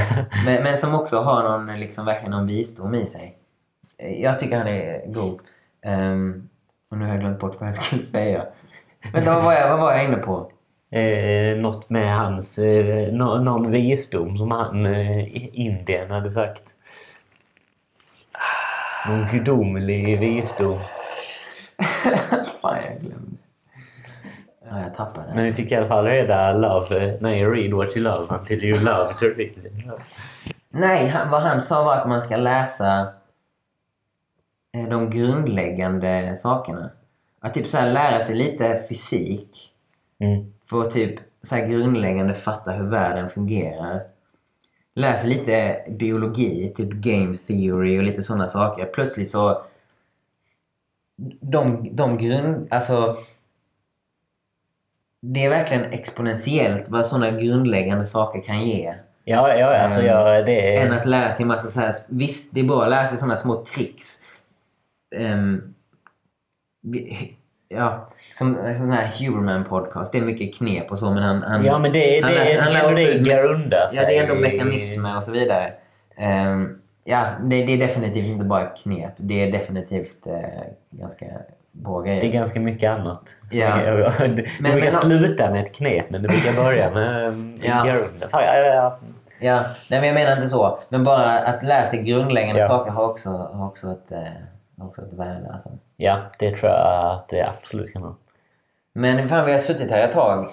Ja, har Eh, vi... får jag fråga dig en sista sak? hemskt gärna. Ehm, nej, nu blir det samma sak som... eh, Nu har du... ehm, det blir samma sak som vad? det blir samma sak som förra gången, tror jag. Jaha. Har du något projekt nu? Men det är väl alltid en bra fråga. Ja. Jag har... Jag får klippa ut det. Okej. Hej Erik! eh. Har du något projekt du jobbar på? Jag har ju den här... Ja, men jag har ju faktiskt... ehm, För du gjorde, ehm, du gjorde Hidden Dragon. Ja, det var... eh, Det, Det var nog andra bestigningen. Det lär du ju ha hört om det inte finns någon väldigt dold person. Nej, den är ju hidden. Ja. Ja, det gjorde jag. Och den föreslog jag faktiskt en uppgradering på. Ja. Något så kontroversiellt. Men den är typ en enmovare. Den är typ en enmovare. Det är rätt sjukt. Ett 8B plus move. Ja, fast den är, den är lite mer än en enmovare Ja, faktiskt. man ska komma, det är sant, man ska komma in i ett sånt... Man ska komma eh, in i det och man ska komma Ja. ut ur det. Så att, eh, Jag har aldrig ens tittat på den. Jag har ingen aning. Nej, jag vet ju inte om det är fair, men alltså det kän, jag tycker ändå det känns här rimligt. Det är ju det är absolut svårare än alla 8B man har gjort. Eller jag har tittat på den och den har sett totalt omöjlig ut. Så. Mm. Men sen, ja, sen vet man ju inte, det kan vara ett move som passar mig, det kan vara ett move som inte alls passar mig. ja. Eh, Och sen vet jag inte hur mycket den har knäckt, för den har ju tydligen knäckts också. Sen dess? Inte sen jag gjorde den, men sen, Nej, sen första efter, bestigningen. Och jag knäckte... Jag tror nog den är hårdare. Ja, och jag knäckte lite av den när jag började köra på den. Ja. Eh, Men nu är allt färdigknäckt. Ja. Förhoppningsvis. Men har du något eh, nytt då? Ja, jag har varit på den här... Eh, vad heter den? En klok ko sitt. Heter den va? Ah, som Björn Ishager satte upp. Ja, och den, eh, den har jag gjort i två... eh, Krukdelen har jag gjort i två överlappande. Så jag har kommit in i den lite lättare ståstarten då i två överlappande. Så det börjar ändå närma sig. Fräckt. Men jag har lite begränsat med utetid nu med skola och, och Ja. jobb och sådär. Så man får ju bli så stark så man gör projekten snabbt. Liksom. Det är det som är planen. Ja, det är det som är grejen. Eh, ja, och där jag, har precis jag har hittat en, en, en helt annan beta faktiskt. Ah, okej. Ja, på Karimpar såklart. Hur går du... Man börjar mer till höger. Ja. Ja, jag, det, jag har nu, det, nu är det ju i ljudformat, men jag har en video jag kan... Du får visa den sen. Så får du beskriva den. Okej, men, men du använder inte de stora slopsarna? nej, nej. Inte alls? Eh, nej. Det är så? Det finns eh, fotstegs-sizade, dåligt fotstegs-sizade grepp på facet liksom. Man kan ha sig på. Det är fan sjukt. Men det, är lite känns snuskigt Det också, känns eller? naturligt. Jag vet inte. Det, kän, är det, inte så, det känns som att det är så folk har försökt den. Men jag vet inte. Ja, jag kanske, vi kanske snackar om olika grejer. Nej. För det nej, låter inte. sjukt. Det låter sjukt det du säger. Det är... Men, men den... Alltså han satte den som 8A+. Jag vet ju inte hur det är med de där slopesarna, men jag kan ju inte lyfta så att... Nej. Jag passar inte alls in i den boxen. Nej, men, men, men ärligt talat, jag tror den är 8B+. Eller jag vet Ja, inte. det är ju absolut inte omöjligt. Jag tror den är riktigt hård. Den är riktigt hård. Men för mig är ju min beta lättare, så det... Ja. Och jag- tror den är lättare än Hidden Dragon, antagligen. Okej. Fast det är ju det är mer, det är ju utsmält över mer moves. Ja, då är den kanske inte 8B+. Ja, jag vet inte. Jag har inte gjort den. Nej, man kan Men, inte... nå- men något åt det hållet alltså. Ja, Den är ju hård som fan. den är hård som fan i alla fall. Ja, så den hade varit kul att göra faktiskt. Det är ju sånt. Den har man ju kollat på Ja. i ett antal år. Ja. Ja, jag har Aha. typ inte så många saker jag vill göra på 20 kul. Nej, vad har du? Jag har ett projekt som ligger... Eh, om du går från Kloko så går du ner den här lilla vägen till stängslet. Över stängslet. Nej, inte över stängslet. Ner till stängslet och så är det här Det jättestora är stora. blocket. Ja. Så har du typ, det finns ett litet block som heter Sickboy. Mm. Och sen har du en stor vägg där på Okej. högersidan. Eh, där det finns en gammal linje som Gustav Kampf har borstat upp för länge sedan. Okej. Ehm, som är ja, men typ vert vertikal i början och sen så här precis svar. Eh, och där har jag kört lite. Eh, den är ganska cool, lite så vågig typ. Ja, Det här har jag aldrig ens tittat på. Så det Nej, den är lite obskyr. Men, eh, men den är riktigt nice. Så, eller, ja, den, det är någonting nice med den. Det är så jävligt, jävligt små krimpar. Jag tycker det är lite fräckt med så hårda vertikala problem. Ja, det är coolt. Det, det har sin där. charm också. Ja, Så den tror jag nog Den, är... Typ, ja. nära. Ehm, det är svårt att säga. Eh, Jag hade, senast jag var där så hade jag ett riktigt bra press. Mm. Ehm, men det är liksom en sektion. Du vet, det är svårt. Det går inte riktigt att testa på rep. Mm. För Och den är hög, eller? Ja, ja nej, nej, toppen går att testa på rep. Och Ja. det är liksom, det är bara, man får inte fucka upp det liksom, men ganska lätt. Men, men den sista kruxsektionen är svår att testa på rep för det är så intensivt att man kommer inte... Du kommer inte in i det. Nej, eller jag vet inte. Nej, men ibland går det ju bara att göra från marken. Ja, eller jag, jag vet inte. Det kändes svårt att få till det. Så, så det är en, en sektion som är ett litet frågetecken fortfarande. Ja. Ehm, men, om, ja, men det känns bra i alla fall. Och det, så den, den tror jag är kanske, jag vet inte, 8A eller 8A plus vertikal. Så, ja, det är ju maxat. så det Det hade är ju varit... så svårt det blir nästan. Ja, ja, jag tror På värt. en, en kort sväng tillbaks till grader. Jag- tror på vissa sådana axiomer när det kommer till grader. Jag tror inte vertikala problem kan vara svårare än 8A plus. Oj. Finns det inte en 8B plus? Jo, det finns, det finns massa. Det finns ju en 8C-slabb också. Nej, var? Jo, i Japan. Jaha, det är okej. det är den där, ja. ja. Det är han, men det det är han som... vara. Det är en jävla legendar. Han som... Eh, det blev en ny berättelse. Han, han gjorde den och sen slutade han. Men det är en japansk kille som är så helt otrolig. Som klättrar boulders ground up utan paddel. Ja, ja, han. Ja, det är faktiskt helt Och så har han, han har ju satt upp en så här, jag tror det är lätt överhängande 8C. Som som är, som är riktigt hög, så här åtta meter hög. Eller du vet, först, först i kruxet och sen Ja, så ja, fortsätter vet. det. Det, Men den är ändå så svår, 4-5 meter upp. Ja, det är helt otroligt. Och jag tror Adam On, ja, Adam Onda repeterade den och liksom kom, sa att den var 8C, tror jag. Och han satte upp den ground up utan paddor. Och sen har han då satt upp tre slabbar på något ställe där i Japan. Och de ligger väl på rad liksom. Ja, ja. Och, och de är också typ så fyra meter höga eller fem meter höga. Och den första är en slabbarrätt som är så 8A plus 8B. Som Nalle Hucketaival har repeterat.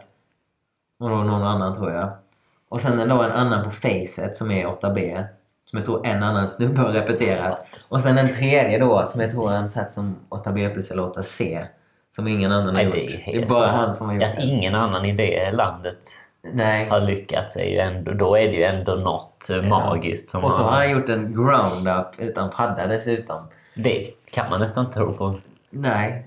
Men jag, eh, ja, jag, jag vet inte. Nej. Men det är, det är galet i alla fall. Ja. ja, Nalle har ju ett projekt han har kört på på 20 också.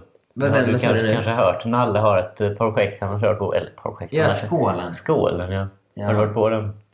Jag testade den en gång. Skålen. Mm. Eh, Möjlig. Ja, jag tror den går, men, men det... Ja. Det blir så vi... Eller någonstans... Vidrigt, Någonstans blir det också vidrigt. Mm. Vissa vertikala problem, när de blir så små. Jag fattar inte säga alla. Ja.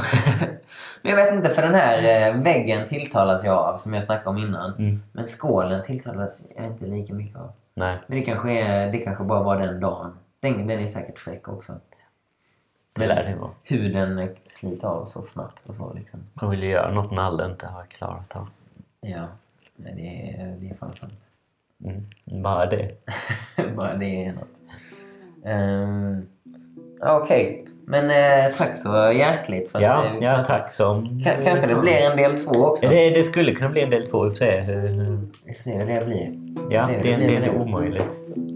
Yes, men eh, syns. Det, det gör ju verkligen.